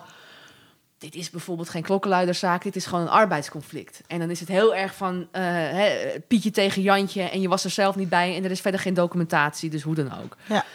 Heb ik wel eens gehad dat ik dat dan een paar weken later of een week later in een krant zie staan. En dan, ja, het slachtoffer, de underdog, dus die heeft gelijk. Terwijl, terwijl ik denk van nou, hmm, dat weet ik nog net zo niet. Ja, Dus vanuit dat oogpunt kan ik ook wel begrijpen waarom dat wantrouwen eh, ontstaat. Ehm, er zijn natuurlijk ook heel veel momenten waarop eh, eh, ze de pers juist heel erg nodig hebben. Als het bijvoorbeeld ging over de staat van het materieel wat gebruikt werd en de effecten van al die bezuinigingen, dan heb je juist de journalistiek ook heel erg nodig. Nou, dat zou je denken, want het is eigenlijk, het is eigenlijk tweeledig. Want je had inderdaad wel, dat weet, dat weet ik onder Sien Hennis, daar werd het echt, toen liep het echt gewoon de spuigaten uit, om het zo maar te zeggen. Toen merkte je eigenlijk ook binnen de organisatie dat er twee stromen ontstonden. Er waren mensen die zeiden, nee hoor, gewoon mooi weer blij, niks aan de hand, allemaal prima. Dat is niet uit ons, we zijn slechts uitvoerder. Het is aan de politiek, weet je wel. Eh, en aan de andere kant had je inderdaad mensen die zeiden van, nee, we moeten juist laten zien hoe slecht het is. Want anders dan, dan, ja, dan komt er nooit geld bij. Ja. Dus die, die twee politieke argumenten die, die waren eigenlijk tegelijkertijd conflicterend binnen diezelfde organisatie aanwezig. Ehm, dus het is ook niet, en dat bedoel ik ook met Defensie, is niet een heel eenduidige organisatie. Dus ook daarin zie je eh, ja, toch al eh, ja, meningsverschillen ontstaan. Ehm, en het grappige is ook heel vaak dat wederom ook als ze zeggen van ja, we moeten niet naar buiten brengen, want dan gaat de media ermee aan de haal. Dat heeft ook weer te maken met dat beeld. En ik moet zeggen, ja, journalisten maken het militairen soms ook wel heel erg makkelijk om, om wantrouwend te worden. Want ik weet nog wel, ehm, dat was op een gegeven moment in Trouw stond er een, eh, eh, een eh, interview met een Afghanistan-veteraan. die had gezegd dat er echt inderdaad moord was gepleegd, dat er hele erge dingen waren gebeurd. Nou, die, inderdaad, die eigenlijk wat hij toen deed in de krant was het toegeven van het plegen van strafbare feiten. Ehm, ik heb gehoord dat dat niet zo is gegaan. Eh, in de zin van eh, de omgang van de journalist met zo'n verhaal. Wat ik als journalist zou zeggen in zo'n geval, als iemand dat verhaal bij mij kwijt wil, zou ik zeggen: joh, heb je ook een goede strafrechtadvocaat? Want je hebt nou niet alleen iemand die verstand heeft van het bestuursrecht nodig, maar je hebt ook een strafrechtadvocaat nodig. Als jij inderdaad nu in de krant gaat toegeven dat je mogelijk strafbare feiten heeft gepleegd.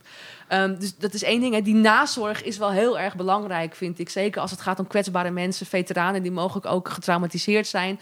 Eh, als die inderdaad ervan zijn van overtuigd dat dat hun ook daadwerkelijk is overkomen, ehm, dan is dat een begin van een verhaal. En is dat niet het verhaal op zichzelf.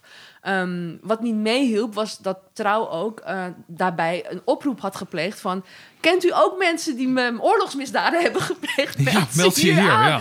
Ja, kijk, die combinatie van dus inderdaad een, een, een veteraan eh, die ongetwijfeld eh, hele nare dingen heeft gezien, waarvan niet zeker is dat het daadwerkelijk zo is gebeurd, maar inderdaad die toch wel grove beschuldigingen uiten, dan zou ik zeggen van A, dat is het begin van een onderzoek.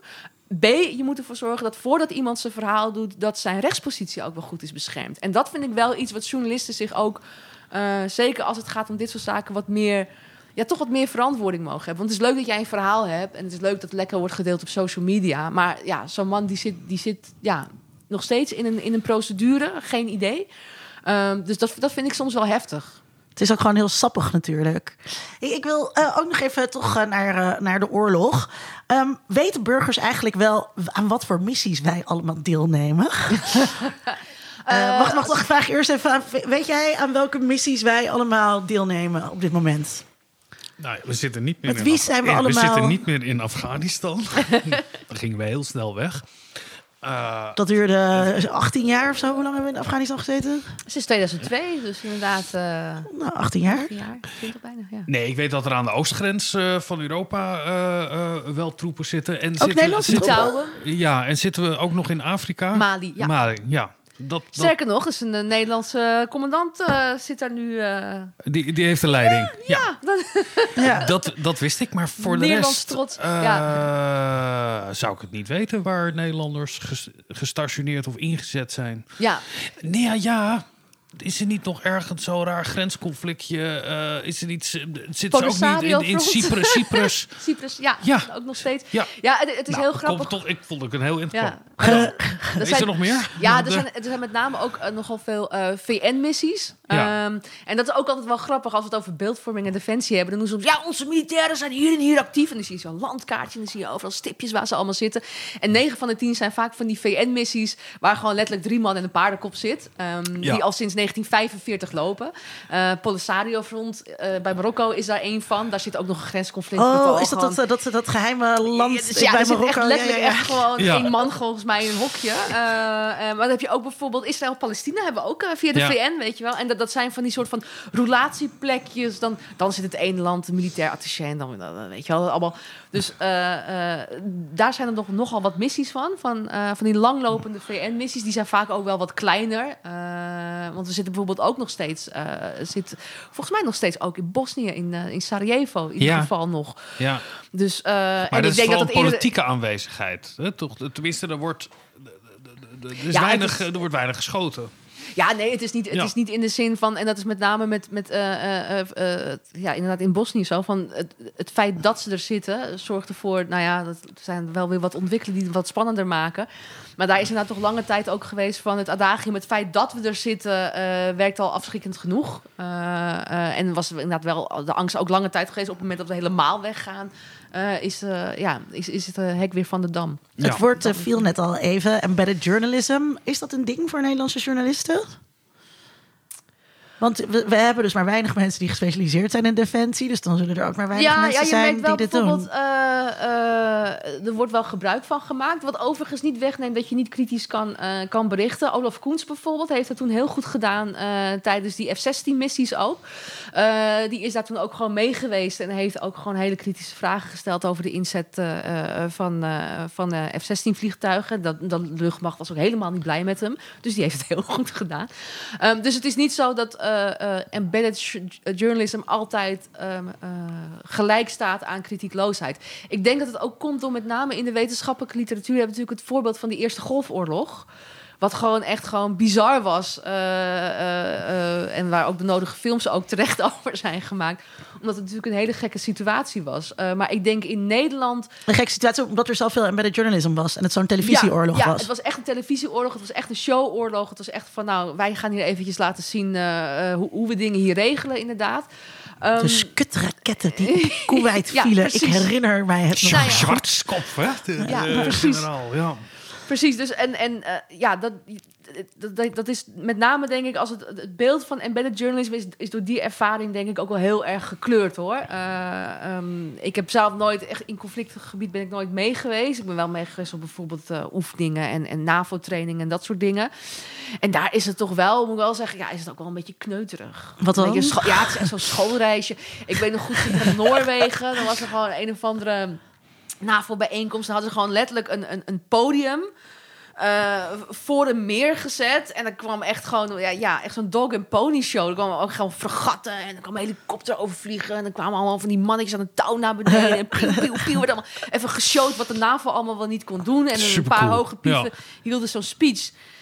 Ja, en, en weet je, gewoon in zo'n bus gegooid. En dan ging je weer naar een volgende, eh, eh, volgende sectie. En dan nou, zag je dan Nederlandse militairen. Die gingen dan, die waren dan, ja, dat was echt. Nou, ik moet, ja, met alle respect, maar zogenaamd aan het trainen. Want die minister kwam ook langs en die zat dan op een stoeltje met zo'n dekentje over zich heen. En dan moesten die, En jongens even laten Ja. zien hoe ze dat daar deden. Nou, dat was gewoon één grote show natuurlijk. En volgens mij, ik had ook zelf het idee dat die militairen er ook helemaal niet echt op zitten te wachten. Nee, natuurlijk dat die niet. gewoon aan het trainen zijn en hun werk aan het zitten doen. En dan moeten ze weer even, ja, dan moeten ze weer zo'n zo'n zo'n zo'n zo'n zo'n show gaan opvoeren voor een stel journalisten. Lijkt me vreselijk. Die dan ook nog eens ongetwijfeld gigantisch in de weg lopen. En die journalist, Ehm. eh, en ik bedoel, dat is natuurlijk het onzinnige daaraan. Ik bedoel, geen enkele journalist trapt daar natuurlijk in. En elke journalist weet, oké, ik ga nu op snoepreisje, dus ik ga nu in de kriti-modus. Ja, en iedereen gaat ook wel gewoon goes through the motions, zou ik maar zeggen. Hè? Dus je ziet alle plichtmatige reportages die dan allemaal wel verschijnen, inderdaad. Ehm, de reden dat ik soms wel eens meega en mee ben gegaan, is ook omdat het wel een goede... Ja, het is hoe dan ook wel een goede manier om de organisatie te leren kennen. Want je zit toch op een gegeven moment, inderdaad, als zo'n dog en pony show over is, spreek je toch wel wat mensen aan. En dan eh, wissel, je wat, eh, wissel wat aantekeningen uit, bij wijze van Ja, spreken. ik ken je van dat reisje. Ja, precies. Ik heb je daar of daar gezien. En hoe is het, weet jij toevallig, want ik ben nu hier en hier mee bezig. Dus dat, het vergroot inderdaad wel je netwerk met aanspreekpunten. Dus tuurlijk, dat, dat heeft echt wel eh, eh, zijn functie. Maar ik heb zelf wel heel erg bewust de keuze gemaakt... van als ik meeging op zo'n reisje... was het voor wat ik altijd oneerbiedig eh schieten, en helikopterreportages noemde. En die schreef ik dan echt voor de Nieuwe Revue.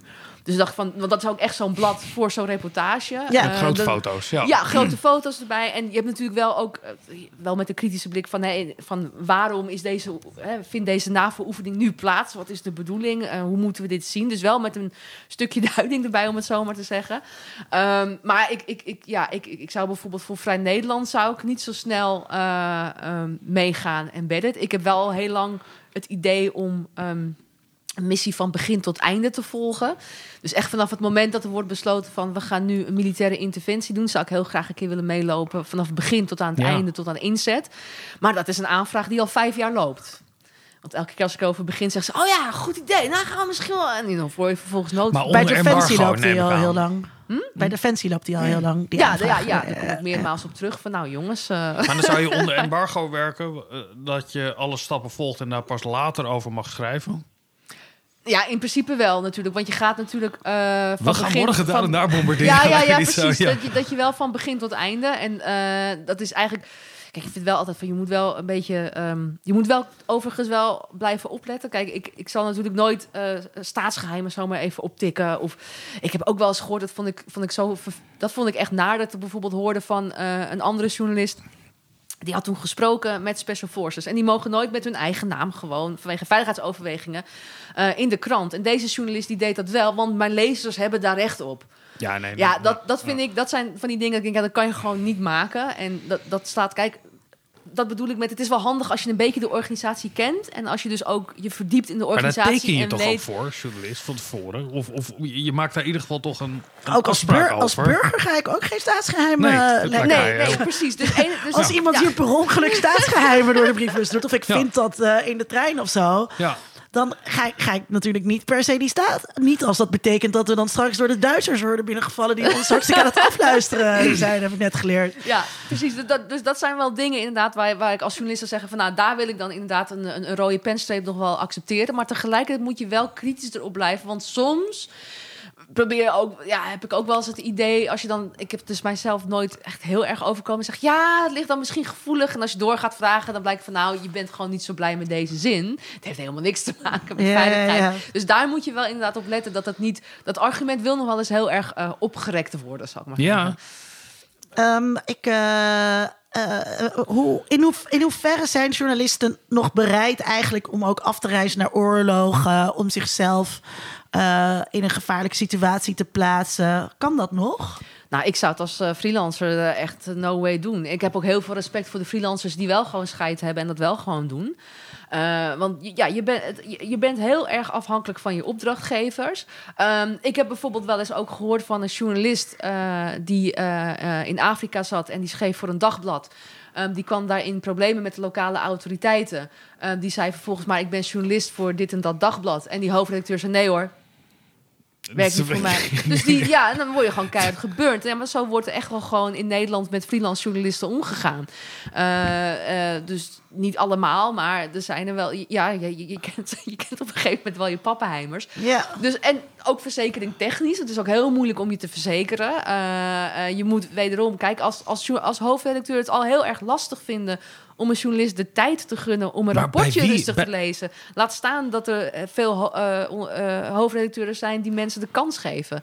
Eh, ik denk dat bijvoorbeeld Volkskrant met Anna van S is dan wel een, goede, een positieve uitzondering in die zin. Ehm, maar ik kan me echt wel voorstellen van, van veel freelancers dat ze zeggen, ja, toedeledokie. Dat ga ik, want het risico is gewoon te groot. Is dat kwalijk, Vincent? Ja, ik zit te denken dat als ik het vergelijk met de Verenigde Staten, wat een hele andere situatie is, moeten we ook zeker niet willen vergelijken. Is er ook in de journalistiek, er verschijnen ontzettend veel boeken en achtergrondverhalen over hoe bepaalde militaire strategieën tot stand zijn gekomen. Wie zaten er? Allemaal van een soort. Dat, of het zijn mensen die erbij zijn geweest, eh, die later een boek schrijven. Of het zijn mensen die inderdaad eh, daar dicht bij het vuur zaten en grote journalistieke projecten doen. Als ik dat. En het, het, het, het, het leger is daar heel veel zichtbaarder, gewoon ook in de media en het patriotisme wat er is. Als ik dat vergelijk met Nederland, dat we hebben niet een heel sterk patriotisme van eh, support the troops-achtig idee. We hebben weinig inzicht. Thank you for serving. Precies, die hele veteranencultuur als verering, daarvan kennen we helemaal niet. Behalve Eh, binnen de anti-coronamaatregelenbeweging. nou, Ja, maar oh ja, nee, de, de, de veteranen, ja, die de, verkleedkist eh, veteranen. Hè, moeten we hier wel plaatsen. Ja. Uh, dus het, gebeurt altijd bu- buiten Nederland. We hebben er geen zicht op. Defensie heeft daar eigenlijk, eh, stelt daar de eigen voorwaarden bij over hoe we er inzicht krijgen. Hoe ontzettend ver weg het eigenlijk staat in de representaties die we zien. Of het nou journalistieke verhalen zijn of heroïsche verhalen in, in dramaseries. Hoe groot verschil dat is over hoe het in ons, eh, eh, in onze, noem je dat, in ons dagelijks leven een rol speelt, defensie. Als ik dat vergelijk met hoe dat in de Verenigde Staten is, waarin het veel sterker aanwezig is, waarin er ook kritisch heel veel over geschreven wordt, is het dus niet alleen maar Hosanna. En Nee, hier zeker. lijkt er weinig over geschreven te worden, zoals je zelf Ja, aangaf. onbekend maakt ook onbemind, denk Ja. ik in dit geval. En, en wat, om ook even terug te komen, want ik heb het ook in Amerika gewoond een, eh, een tijdje voor mijn promotieonderzoek. En wat me daar ook opviel is, op het moment eh, dat het leger ergens voor wordt ingezet, dan zie je op CNN een generaal even uitleggen wat ze daar gaan doen. Ja. Eh, in Nederland eh, zie je alleen als er een voorgekookt PR-praatje over de JSF moet iemand in een talkshow iets vertellen over hoe geweldig apparaat het wel niet is en wat voor stoere dingen hij ermee kan doen. Maar gewoon uitleggen gewoon aan het publiek van nou dit gaan we doen, dit en dat sowieso en politiek, hè, daar doe ik verder geen uitlatingen over. Dat kennen we in Nederland helemaal niet. Nee. Dat zit ook niet in onze cultuur. Ik denk ehm, dat heeft ook een beetje mee te maken. ehm, ja, dat, dat, dat wij zien Defensie heel graag als een uitvoeringsorganisatie. De politiek hè, geeft de opdracht en Defensie voert uit. En die heeft verder dus ook verder niks te zoeken in dat publieke debat. Maar ik denk dat dat wel deels ook eh, problematisch is, omdat, ja, met alle respect, maar als je het moet hebben van de bewindspersoon om uit te leggen wat ze gaan doen, waarom ze het gaan doen en hoe dat eruit ziet, ja, dan, sorry, dan, dan, Ja. ja. dan, dan krijg je inderdaad dat hele grote, eh, grote gat tussen werkelijkheid en, eh, Ja, dan en, en, beeld. Afwezigheid. Het is, Ja. het is niet eens een, een on- onbekendheid. Nee, in het is de echt zin weggemoffeld. Ik, denk, ik vind eerlijk gezegd ook dat militair in die opzin ook veel te veel, eh, eh, ja, toch wel wat weg worden gemoffeld en heel erg afhankelijk zijn. Want als ze dan bijvoorbeeld ook, dat is ook natuurlijk weer zo, op het moment dat er namens militairen wordt gesproken, dan is het via de vakbond. Ja. Terwijl niet alle militairen zijn het altijd per se eens met wat die vakbond op dat moment wil. Want die gaan natuurlijk voor een e- eigen achterban met hun eigen leden. Dus vaak op pensioen gericht.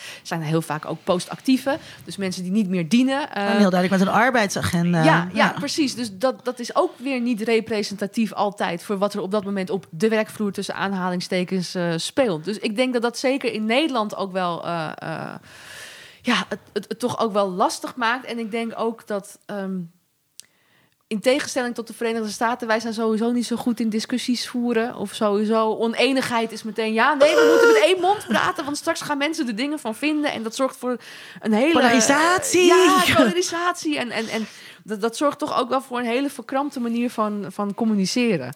Is Ja. het dan ook zo ehm, dat dat onbekend eh, eh, maakt onbemind. Dat het niet ook is onbemind maakt onbekend. In de zin dat, eh, en waar we het aan het begin over hadden, dat die linkse media toch een beetje een afkeer hebben van het leger. Dat je als linkse journalist je daar misschien dus ook niet in gaat specialiseren.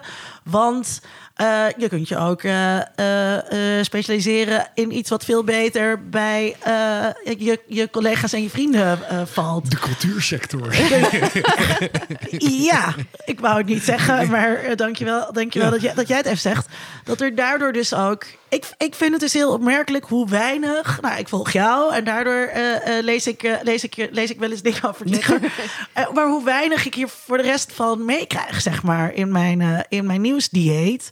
En dat is toch ook wel gewoon omdat het... Omdat het ja, het is niet een, een sexy... Het is geen sexy onderwerp voor linkse journalisten.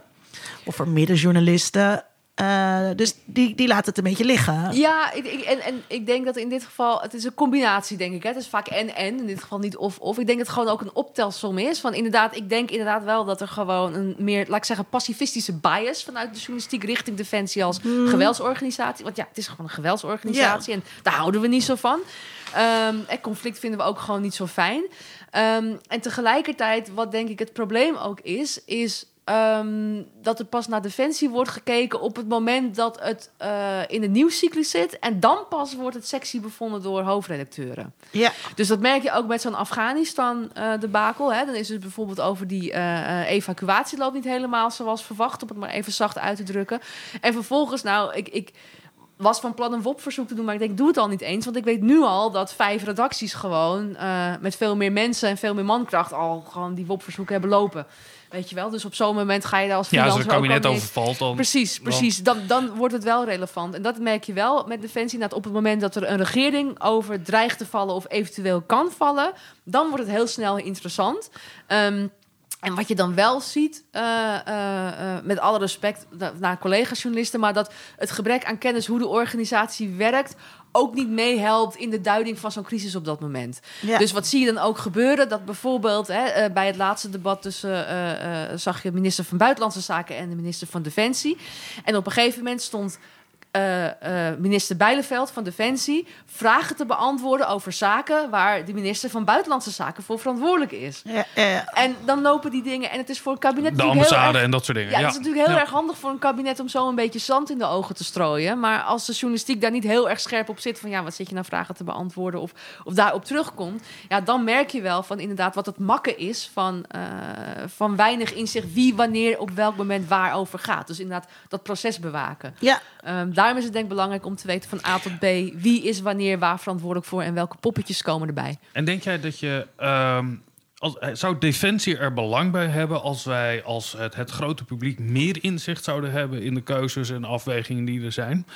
Of vindt Defensie het eigenlijk ook wel prettig op deze manier? Want je legt het bij de politiek om de verantwoording te doen. Je bent een uitvoeringsorgaan. Ik, terwijl je zat te praten, zat ik te denken... wanneer ik voor het laatst iemand in een uniform op televisie... iets heb horen vertellen over de inzet van Nederlanders. Ik kan me het werkelijk Ja, amper herinneren dat daar iemand een keer... of je eigen zoon moet doodgaan. Dan ga je daar heel veel over vertellen. Of het zijn inderdaad altijd hele human interest-achtige eh, ja verhalen. PR-praat dan vaak, ja. Ja, of, nou ja, of, of, of ouders van eh, een jongen die Ja. een, de dingen ontploft in zijn gezicht. Of weet je wel, dat soort persoonlijke kleine verhalen, maar nooit over het systeem zelf. Ja, En ik heb ook zelden een, een geuniformeerd iemand gezien die over het systeem zelf of over de keuzes daar was. Dat, Ja. dat, maar, Nou, ik, ik vermoed zelf dat. eh, ja, ik maak al wel echt een onderscheid tussen inderdaad de krijgsmacht en, en, en, en eh, de politieke aansturing, zal ik maar zeggen. Ehm, ik heb zelf al het vermoeden dat met name eh, op het plein vinden ze het wel goed zo. en ik denk dat ik zelf de, militairen zelf, eh, dus de krijgsmansonderdelen zelf, eigenlijk ook wel eh, meer behoefte zouden hebben om gewoon te, gewoon te laten zien wat ze doen. ja. Gewoon te laten zien van dit is het werk wat ik doe. Eh, we zijn geen gekke moordenaars of we zijn niet eh, allemaal... eh, ja, we zijn, we, zijn niet inderdaad, wat jij zegt, Jan Soldaat die dan geen... of, of hij is onderwerp van de klokkenluiders. Of hij moet toch toegeven dat hij misschien toch wel een moordenaar was. Of allemaal dat soort dingen, weet je wel. Maar gewoon kunnen laten zien van dit is het werk wat we doen. Dit is wat, waarom we dit werk doen en waarom we ook geloven in het werk wat we doen. Ehm, en, en ik denk dat, ja, dat de krijgsmacht daar meer gebaat bij zal zijn, denk ik, dan, eh, dan, dan de politiek zelf. Je bent Want de politiek zelf is, is, is zelf nu wel heel erg van. eh, eh, ehm, ik vond het ook zo opvallend. Na die evacuatie in Afghanistan zag je ineens... was dan is iemand van het Korps Commando troepen... samen met eh, de heldhaftige ambassadrice. Die mochten dan een exclusief interview in de AD. Ik denk, ja, dat is lekker makkelijk. Dat was echt een dag voor het debat. Kwam er ineens zo'n verhaal van... Hè, de mensen op de vloer doen zo goed werk. En dat is wat de politiek heel vaak doet. En daar krijg ik echt gewoon... haalt het bloed onder mijn nagels. Dan gaan ze dus eh, kritiek op de politiek leiding gaan ze gelijk schakelen aan kritiek op de werkvloer. En dat zijn twee totaal verschillende zaken. Dus als jij kritiek hebt op het politiek handelen, dan heb je echt geen kritiek op eh, eh, de commando die daar in Afghanistan keihard eh, de ballen uit zijn broek rent om alles ter plekke Nee. maar in goede banen te regelen. Nee, dan heb je kritiek op de opdrachtgever. Ehm, en wat de po- politiek heel graag doet, is die twee dingen vermengen. Eh, om ook een beetje te doen van, oh ja, nee, als je kritiek, oh, want hey, eh, die jongens staan er voor jou, hè? Die staan er voor jou. Een beetje dat, dat achtige. En dan zie je ook heel snel van die, van die eh, feel-good eh, interviews verschijnen. Ehm, ja, en, en, en dat vind ik eigenlijk, ja, eerlijk gezegd ook wel een beetje oneerbiedig. Dat je dan ook als militair eigenlijk alleen mag opdraven eh, als het politiek opportun is om, om even op te Ja, draven. ik, bete- de- het was een Tweede Kamerlid, ik ben even zijn naam kwijt, die goede connecties of uit dat veld kwam. Dirk Boswijk ja. van CDA waarschijnlijk, ja. Ja, Dirk Postwijk was het. Eh, volgens mij iemand die politiek gezien niet zo zichtbaar was tot dat moment. Dus het, het is toch ook een beetje armoeig dat die wisselwerking tussen de politiek en defensie, wat je in heel veel landen. Kijk, in Israël kan je politiek niks bereiken als je niet een, een militaire achtergrond hebt. Eh, in de Verenigde Staten zie je dat natuurlijk. Je ziet het in andere, Duitsland niet overigens. Maar die wisselwerking lijkt er ook heel weinig te zijn. Nou, je had daarvoor ook al bij CDA Raymond Knops, hè? die is ook eh, Ja. oud-militair. Dus je, je hebt ze inderdaad wel ertussen zitten. André Bosman, eh, oud F-16-vlieger voor de VVD. Ehm, op zich is dat niet zo of het iemand een burger of eh, een militaire achtergrond heeft. Dat maakt volgens mij voor de controle vanuit de Tweede Kamer op eh, defensie niet zo heel veel uit. Wat wel uitmaakt, denk ik, is ook die kennisopbouw. Dus wat je nu ziet met het wisselen van de Kamer, is er heel veel kennis verloren gegaan. Eh Sadat Karabulut van de SP eh, is weg. Jasper van Dijk deed het daarvoor, die zit er dan nog wel. Dus nog wel iets bij de SP dan bewaard. Eh, GroenLinks heeft nieuwe woordvoerders gekregen. VVD, hè, André Bosman eerder genoemd, eh, is ook verdwenen. Nu is volgens mij Van Wijngaarden die nu eh, woordvoerder is. Ehm, dus je hebt gezien dat eigenlijk denk ik op eh Salime Belhaj van D66 na... is eigenlijk vrijwel iedereen met een eh, defensieportefeuille is vertrokken uit de Tweede Ja. Kamer. Wat betekent dat? Dat je ziet, zeker als het gaat om die commissievergaderingen... Hè, dan zit de, de, de woordvoerders van de Tweede Kamer zitten dan in de commissievergadering... Wat ik de laatste vijf, zes jaar steeds meer heb zien gebeuren... is dat die agenda steeds groter wordt. Eh, voorheen had je bijvoorbeeld drie, vier onderwerpen. Nu zijn het er soms gewoon vijftien. Dus die hele agenda wordt helemaal overloaded. Je hebt veel meer fracties, dus veel korte spreektijd. Eh, en dus nog allemaal nieuwe Kamerleden... die zich ook nog moeten verdiepen in het dossier. Ehm, dus ik vind die combinatie eh, van eh, ja, toch wel nieuwe kennis, heel weinig tijd, heel weinig eh, eh, manieren om zich in te lezen. En ook inderdaad hè, dat gat van die 2 miljard van ja, je krijgt extra geld, maar is het wel genoeg? In hoeverre die Tweede Kamer die controlerende taak zo goed kan uitvoeren, ja, dat vraag ik me nog wel eens af. Je begon er net eigenlijk al een beetje aan. Aan het einde van de aflevering gaan we altijd een vraag beantwoorden. En die is deze keer: voldoet de Nederlandse pers aan haar waakhondfunctie als het op defensie aankomt? Ik stel hem eh, eerst eh, aan Vincent. We hebben het er al veel over gehad hoor. Ehm, en dan, eh, en dan mag jij straks het laatste woord. Nou, wat mijn eerste indruk is van dit gesprek, is dat het me dat het zo'n eh, defensie een afwezige is, dat het onaantrekkelijk is als journalist om je daarmee bezig te houden, als Tweede Kamerlid om het als woordvoerder te zijn, is ook niet heel aantrekkelijk lijkt mij. Eh tenminste, je kan er heel moeilijk punten op scoren eh, op dat ding.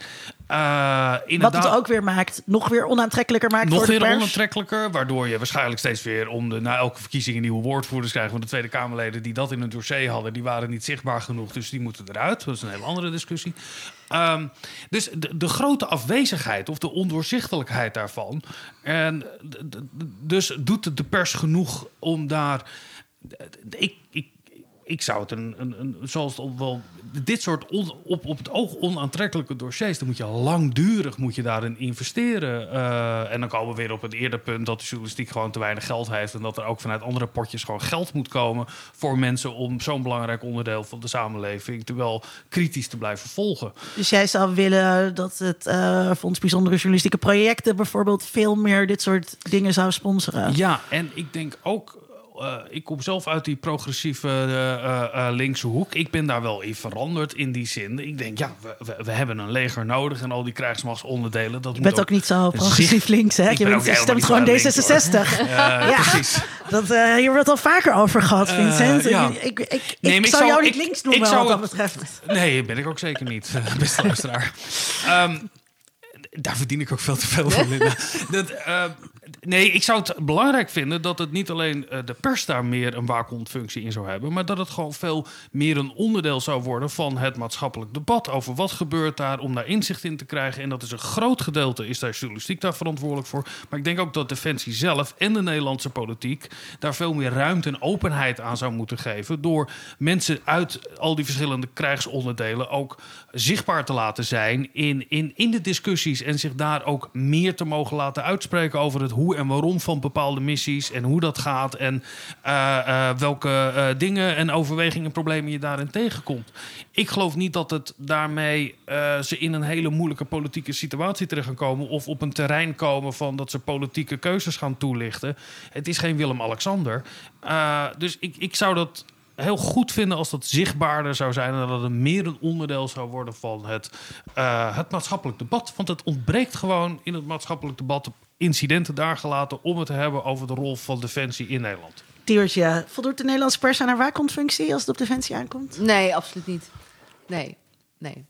Dat is heel dat is kort maar Kort, krachtig. kort en krachtig. Ja. En, en, en het, is, het is natuurlijk ook wat ik zeg, het is echt een gigantische beroepsdeformatie natuurlijk. Want kijk, als, je, als, als ik gespecialiseerd zou zijn in onderwijs, zou ik zeggen, er moet veel meer over onderwijs worden geschreven. Al, nou ja, Defensie heeft nooit echt een bijlage katern gehad, volgens mij bij een krant. Onderwijs volgens mij wel, bij Trouw en Bij zo. trouw, ja, zeker. precies. Ja. Er wordt Dus- heel veel over onderwijs Ja, geschreven. ja, ja, precies, precies. Dus ja, ik, ik denk, ja, wat ik eerder ook al zei, hè, van, ik vind het eigenlijk. ehm, ehm, ja, ik, ik verbaas me er nog steeds over, inderdaad. Dat, eh, en het is niet omdat ik nou gewoon. eh, ik heb wel eens van die complimenten van ja, goed dat je bezig bent ermee. En, en dan denk ik van ja, maar het is niet omdat ik gewoon zo goed ben. Want in het land der blinden is één oog gewoon koning op dit moment.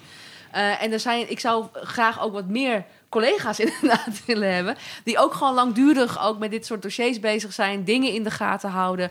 Eh, want ik denk dat het ook gewoon gezond is voor de journalistiek. Als je gewoon meerdere, hè, een, een poeltje hebt van... eh, nou ja, nu zijn, kan ik ze echt letterlijk op één hand tellen. Eh, misschien net aan twee. Maar als je inderdaad het op drie handen kan tellen... dan krijg je al denk ik een meer gezonde soort van peer review-achtige situatie. Waarbij je als journalist ook met elkaar kan sparren over... hoe zie jij dit nou? Of, kijk, en, en, nu zie je toch wel dat omdat, juist omdat je ook weinig collega's hebt... en daar dan, ja, dan zoek je elkaar automatisch op. Ja, dan ben je het al vrij snel, word je dan met elkaar eens. Dus ik denk dat dat ook gewoon de journalistiek als geheel, als waakhond zelf...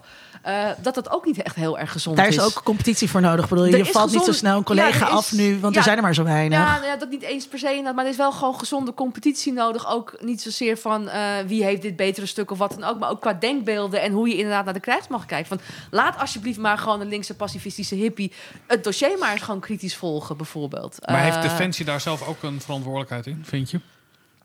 Ja, ik zou zeggen, maar dat, dat, dat telt niet overigens voor Defensie hoor. Maar ik vind sowieso echt. De, ja, ik heb wel eens getwitterd. Er moet echt een vlammenwerper gewoon op al die communicatieafdelingen in Den Haag. Want het is gewoon echt te veel. Het is gewoon niet oké. En ze zijn zo bezig ook met beeldvorming. Dat het echt. Nou, daar hebben jullie ook, het natuurlijk ook heel vaak over gehad. Het is gewoon echt ongezond. Eh, het beeld regeert op een hele ongezonde manier in Den Haag. En wat je ziet is dat. ehm, op een gegeven moment wordt ook zelfversterkend effect. Juist omdat je bang bent voor die beeldvorming, durf je geen misstap te maken. Waardoor als je een misstap maakt, wordt het automatisch weer een heel groot ding. Waardoor je nog meer angst hebt voor een volgende. Dus het, het, het, het, het wringt elkaar helemaal op slot. Het is heel erg eh, krampachtig. Ehm, eh, waardoor die houding richting journalisten ook gewoon veel te krampachtig is. Want inderdaad, ik denk dat Defensie er zelf ook niet bij geholpen is. Dat als ik een hele simpele vraag stel, dat ik gewoon een halve alinea eh, of een half A4'tje gewauwel krijg waar gewoon feitelijk niks staat. Ik vraag me meestal of er is dan... Er is vast een controle-communicatiecentrum. Is er niet, want het zit overal. Maar dat dan die acht journalisten die over Defensie schrijven... dan met foto's aan de muur hangen. dit, dit is de vijand. Hier, deze acht mensen die freelance werken... ergen voor verschillende dingen. Die, die bepalen Nee, het dat beeld. Zal, dat zal wel meevallen, inderdaad. Dat, eh, maar ze kennen dat- jullie wel. Ja, zeker, zeker. En ze weten ook wel eh, ja, wat ze aan je hebben, om het zo maar te zeggen. Ik bedoel, eh, het is soms ook wel weer grappig om te zien van als ik een nieuw ministerie benader, dan ben ik heb wel eens gehad, was ik toevallig moest ik VNJ hebben of JNV heet dat tegenwoordig, eh, met een vraag en ik, ik, ik haal dat in mijn hoofd om een vervolgvraag te stellen. En ik kreeg toen echt gewoon een veeg uit de pan van die woordvoerder. Ja, ik denk ik wel niet wie ik was. En ik heb allemaal scheldwoorden ingeslikt. En ik 's ochtends in de telefoon. Voor de douche heb ik al drie vragen beantwoord. En ik ga nu bezig met eh, serieuze mensen te woord staan. En ik dacht, holy fuck, wat is hier aan de hand? En toen had ik het ook met mijn collega over. Van heel veel woordvoerders zijn ook al niet meer gewend om gewoon een vervolgvraag te krijgen. Ja. Dus als jij zegt van, ja, maar dat stond niet, ik vroeg dit. Kijk, Ja. onderhand Ja, bij Defensie de- ja. zijn ze dat wel een beetje gewend. Maar ik merk gewoon, en dat zegt ook iets over dat het dit, eh, wat, laat ik zo zeggen, de ervaringen die ik heb bij Defensie zijn niet altijd heel erg specifiek een product van Defensie, maar meer als eh, eh, de politieke communicatie en eh, ja, wildgroei aan woordvoerders in het algemeen. Ja. Dus ik denk, als het daarom gaat, inderdaad, die verantwoordelijk voor communicatie naar buiten toe, dat de kritiek die je hebt op Defensie geldt ook voor alle andere departementen. Hm. Ik denk, ehm, eh, als ik ook nog mijn eitje mag leggen. eh, en dat mag ik, want het is mijn podcast ook. het is ook mijn Het podcast. is ook... Ehm, eh, eh, er is, eh, ja, die voorlichters, dat is, dat is allemaal een probleem. Maar eh, er is ook echt een probleem vanuit journalistiek. Dus ik heb ooit samen met Alexander Pleiter eh, onderzoek gedaan naar wetenschapsjournalistiek in Nederland. En uit dat onderzoek kwam ook dat juist die waakhondfunctie. Eh, eh, van media, van de pers, eh, dat die dus ook bij wetenschap nauwelijks wordt uitgeoefend. En dat komt omdat er nauwelijks wetenschapsjournalisten zijn. En de wetenschapsjournalisten die er zijn, die laten zich ook heel erg meevoeren in de PR-praatjes van de universiteiten. Ja. Met het heelal is allemaal fantastisch. En kijk eens wat die studenten uit Delft nu weer hebben gebouwd. En oh wow, er is een nieuwe archeologische opgraving gedaan. Het was heel slecht eigenlijk kijken naar hoe zit dat wetenschappelijk bedrijf van elkaar. Ja, Ehm, eens. en er wordt wel veel over onderwijs geschreven. Maar juist die, of ook heel veel over wetenschap. ehm, maar heel veel wetenschapsweetjes, want, want dat is leuk. En juist die kritische functie niet. En dat heeft met tijd en geld eh, te maken. Ook met ideeën over wat het publiek bijvoorbeeld eh, eh, interessant vindt. Ja. dus, dus daar zit ook een probleem. En als je al die dingen dan bij elkaar optelt... Ja, dan kom je, dan kom je wel met het, tot een serieus probleem. Ik wil even herhalen wat jij net zelf zei. Hè. Als er één tak is eh, die je moet controleren, dan is het wel de tak die een geweldsmonopolie heeft. Ik denk dat we daar veel, eh, veel meer bij stil mogen staan. En ik vind het dus ook heel interessant dat we dus eigenlijk. eh, als wij als, of nou, ik als linksmens, ja, als semi-pseudo-linksmens, dus ook veel te makkelijk ehm, het veel te makkelijk wegwuiven of zo van ja, we zijn toch een klein land, dus we kunnen Ja. ons eigenlijk sowieso al niet eh, verdedigen. Dus het moet bij de NAVO of de EU. En dan eh, en dan Nee, het is en toch laat- veel erger. Je moet het niet willen om andere mensen dood te maken. en dan je moet het niet, Ja. dat moet je, maar dat moet je ook niet willen. Ehm, maar dan moet de Duitse pers het maar doen of zo, of de Amerikaanse pers, want daarmee kan je ook dus, dus een soort journalistieke verantwoordelijkheid ook een beetje wegmoffelen. Van ja, hè, we zijn toch alleen maar betrokken bij grotere operaties die op andere niveaus worden besloten. En dan, en dan hoeft het ook niet of zo. Dus daar zie ik wel problemen in. Ja, je ziet met name in, als afsluit nog bij, al- als het inderdaad interessant is, is het vaak ook wat wij in Nederland heel erg leuk vinden. Als het gaat of nou over inlichtingendiensten gaat of over eh, defensie.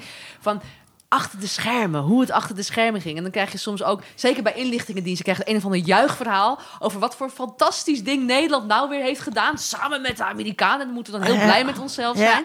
Terwijl ik gewoon als journalist denk van ja, daar gaan bij mij gewoon echt alle rode lampen woe, woe, gaan gewoon af. Want dit, dit, dit klopt niet, weet je wel. Maar dat zijn wel gewoon de verhalen die vaak ook als journalistiek worden verpakt. En dat is denk ik wel het gevaar. ehm, en bij Defensie zie je dat dan misschien, misschien bij Kamp Koningsbrug. Want je ziet dat daar gewoon twee eh, belangen gewoon gelijk geschakeerd zijn. Afrotros wil entertainment. En eh, Defensie wil graag gewoon een leuk recruteringsprogramma voor het Korps Commandotroepen. En Ja. daar vinden ze elkaar. Ja. Ehm, en, en, en, maar ja, ik, ik vind het inderdaad van... Ik heb daar mijn vraagtekens bij. Maar ik vind het nog problematischer als dat soort dingen dus in die, dat waakhondgedeelte komt. Dat je dus alleen maar iets van achter de schermen krijgt te zien... als de belangen op dat moment eh, gelijk geschakeerd Nou ja, het is zijn. natuurlijk heel makkelijk om als, eh, als gebruiker, als eh, kijker of als luisteraar, te denken: ik weet wat van Defensie. Ja. Want ik heb dit gekeken of ik heb dat geluisterd. Ik weet, ik weet hoe het er achter de schermen aan toe gaat. Kijk mij eens media savvy eh, zijn. Zijn, ja. Eh, en dat verwarren met inderdaad daadwerkelijk kritisch naar het systeem kijken. Ja. Nou ja, niet als het aan de ondermedia. En dat is bij deze uitzending Niet als het- gestopt. ja, precies. Het stopt hier. Dit was aflevering 152 van de podcast Onder Media Doctoren. Gemaakt door de redactie, namelijk Vincent en Linda. Kijk op ondermediadoktoren.nl en vind daar ons archief met bijvoorbeeld aflevering 19, oorlogspropaganda. Aflevering 63, verbeelding van koloniaal verleden. Ik vond dat ook wel een beetje aansluiten hierbij. Dat ging ook over politionele acties. Dus dat was geen uh, Is toch hoe ons, Ja, ja, ons ja, leger heeft geroofd, geplunderd en verkracht. Ja. Ehm, of eh, aflevering 96, terroristenmedia. Eh, deze podcast is gratis, maar ook podcast maken kost geld. Net als oorlogsvoering. Net als eh, verslaggeving over, over defensie. Eh, wij betalen bijvoorbeeld iemand om het geluid zo aangenaam mogelijk te laten klinken. Wil je daar een steentje aan bijdragen? Word dan Patreon of vriend van de show. Kijk op onze website of google dat gewoon. Zoals altijd bedanken wij hier Matthijs van Lisdonk. Matthijs, ik zag laatst dat je iets likte op Instagram. Je bestaat. Je bestaat. Mijn hart sloeg over. Oh ja, misschien ook goed voor de luisteraar te weten. We zijn dus weer iets actiever op Instagram. Ook daar heten we onder Media Doctoren. Kun je ons eh, volgen. Je kunt ons ook steunen door iemand die graag podcast luistert over ons te vertellen. Heel veel dank, Diewertje. Ja, Superleuk dat je er was. Ik vond het ontzettend interessant. Ook dank aan mijn vaste mede-mediadokter, Dr. Vincent Kronen. Jij ook, eh, dank eh, dokter Duits. Over twee weken zijn we er weer. We hadden het al eerder beloofd, maar over twee weken gaan we het dan echt hebben over de representatie van geesteswetenschap met Remspot. Heel graag, tot dan. Tot dan. Onder Mediadoktoren is een podcast van Vincent Kronen en Linda Duits. Meer informatie vindt u op ondermediadoktoren.nl.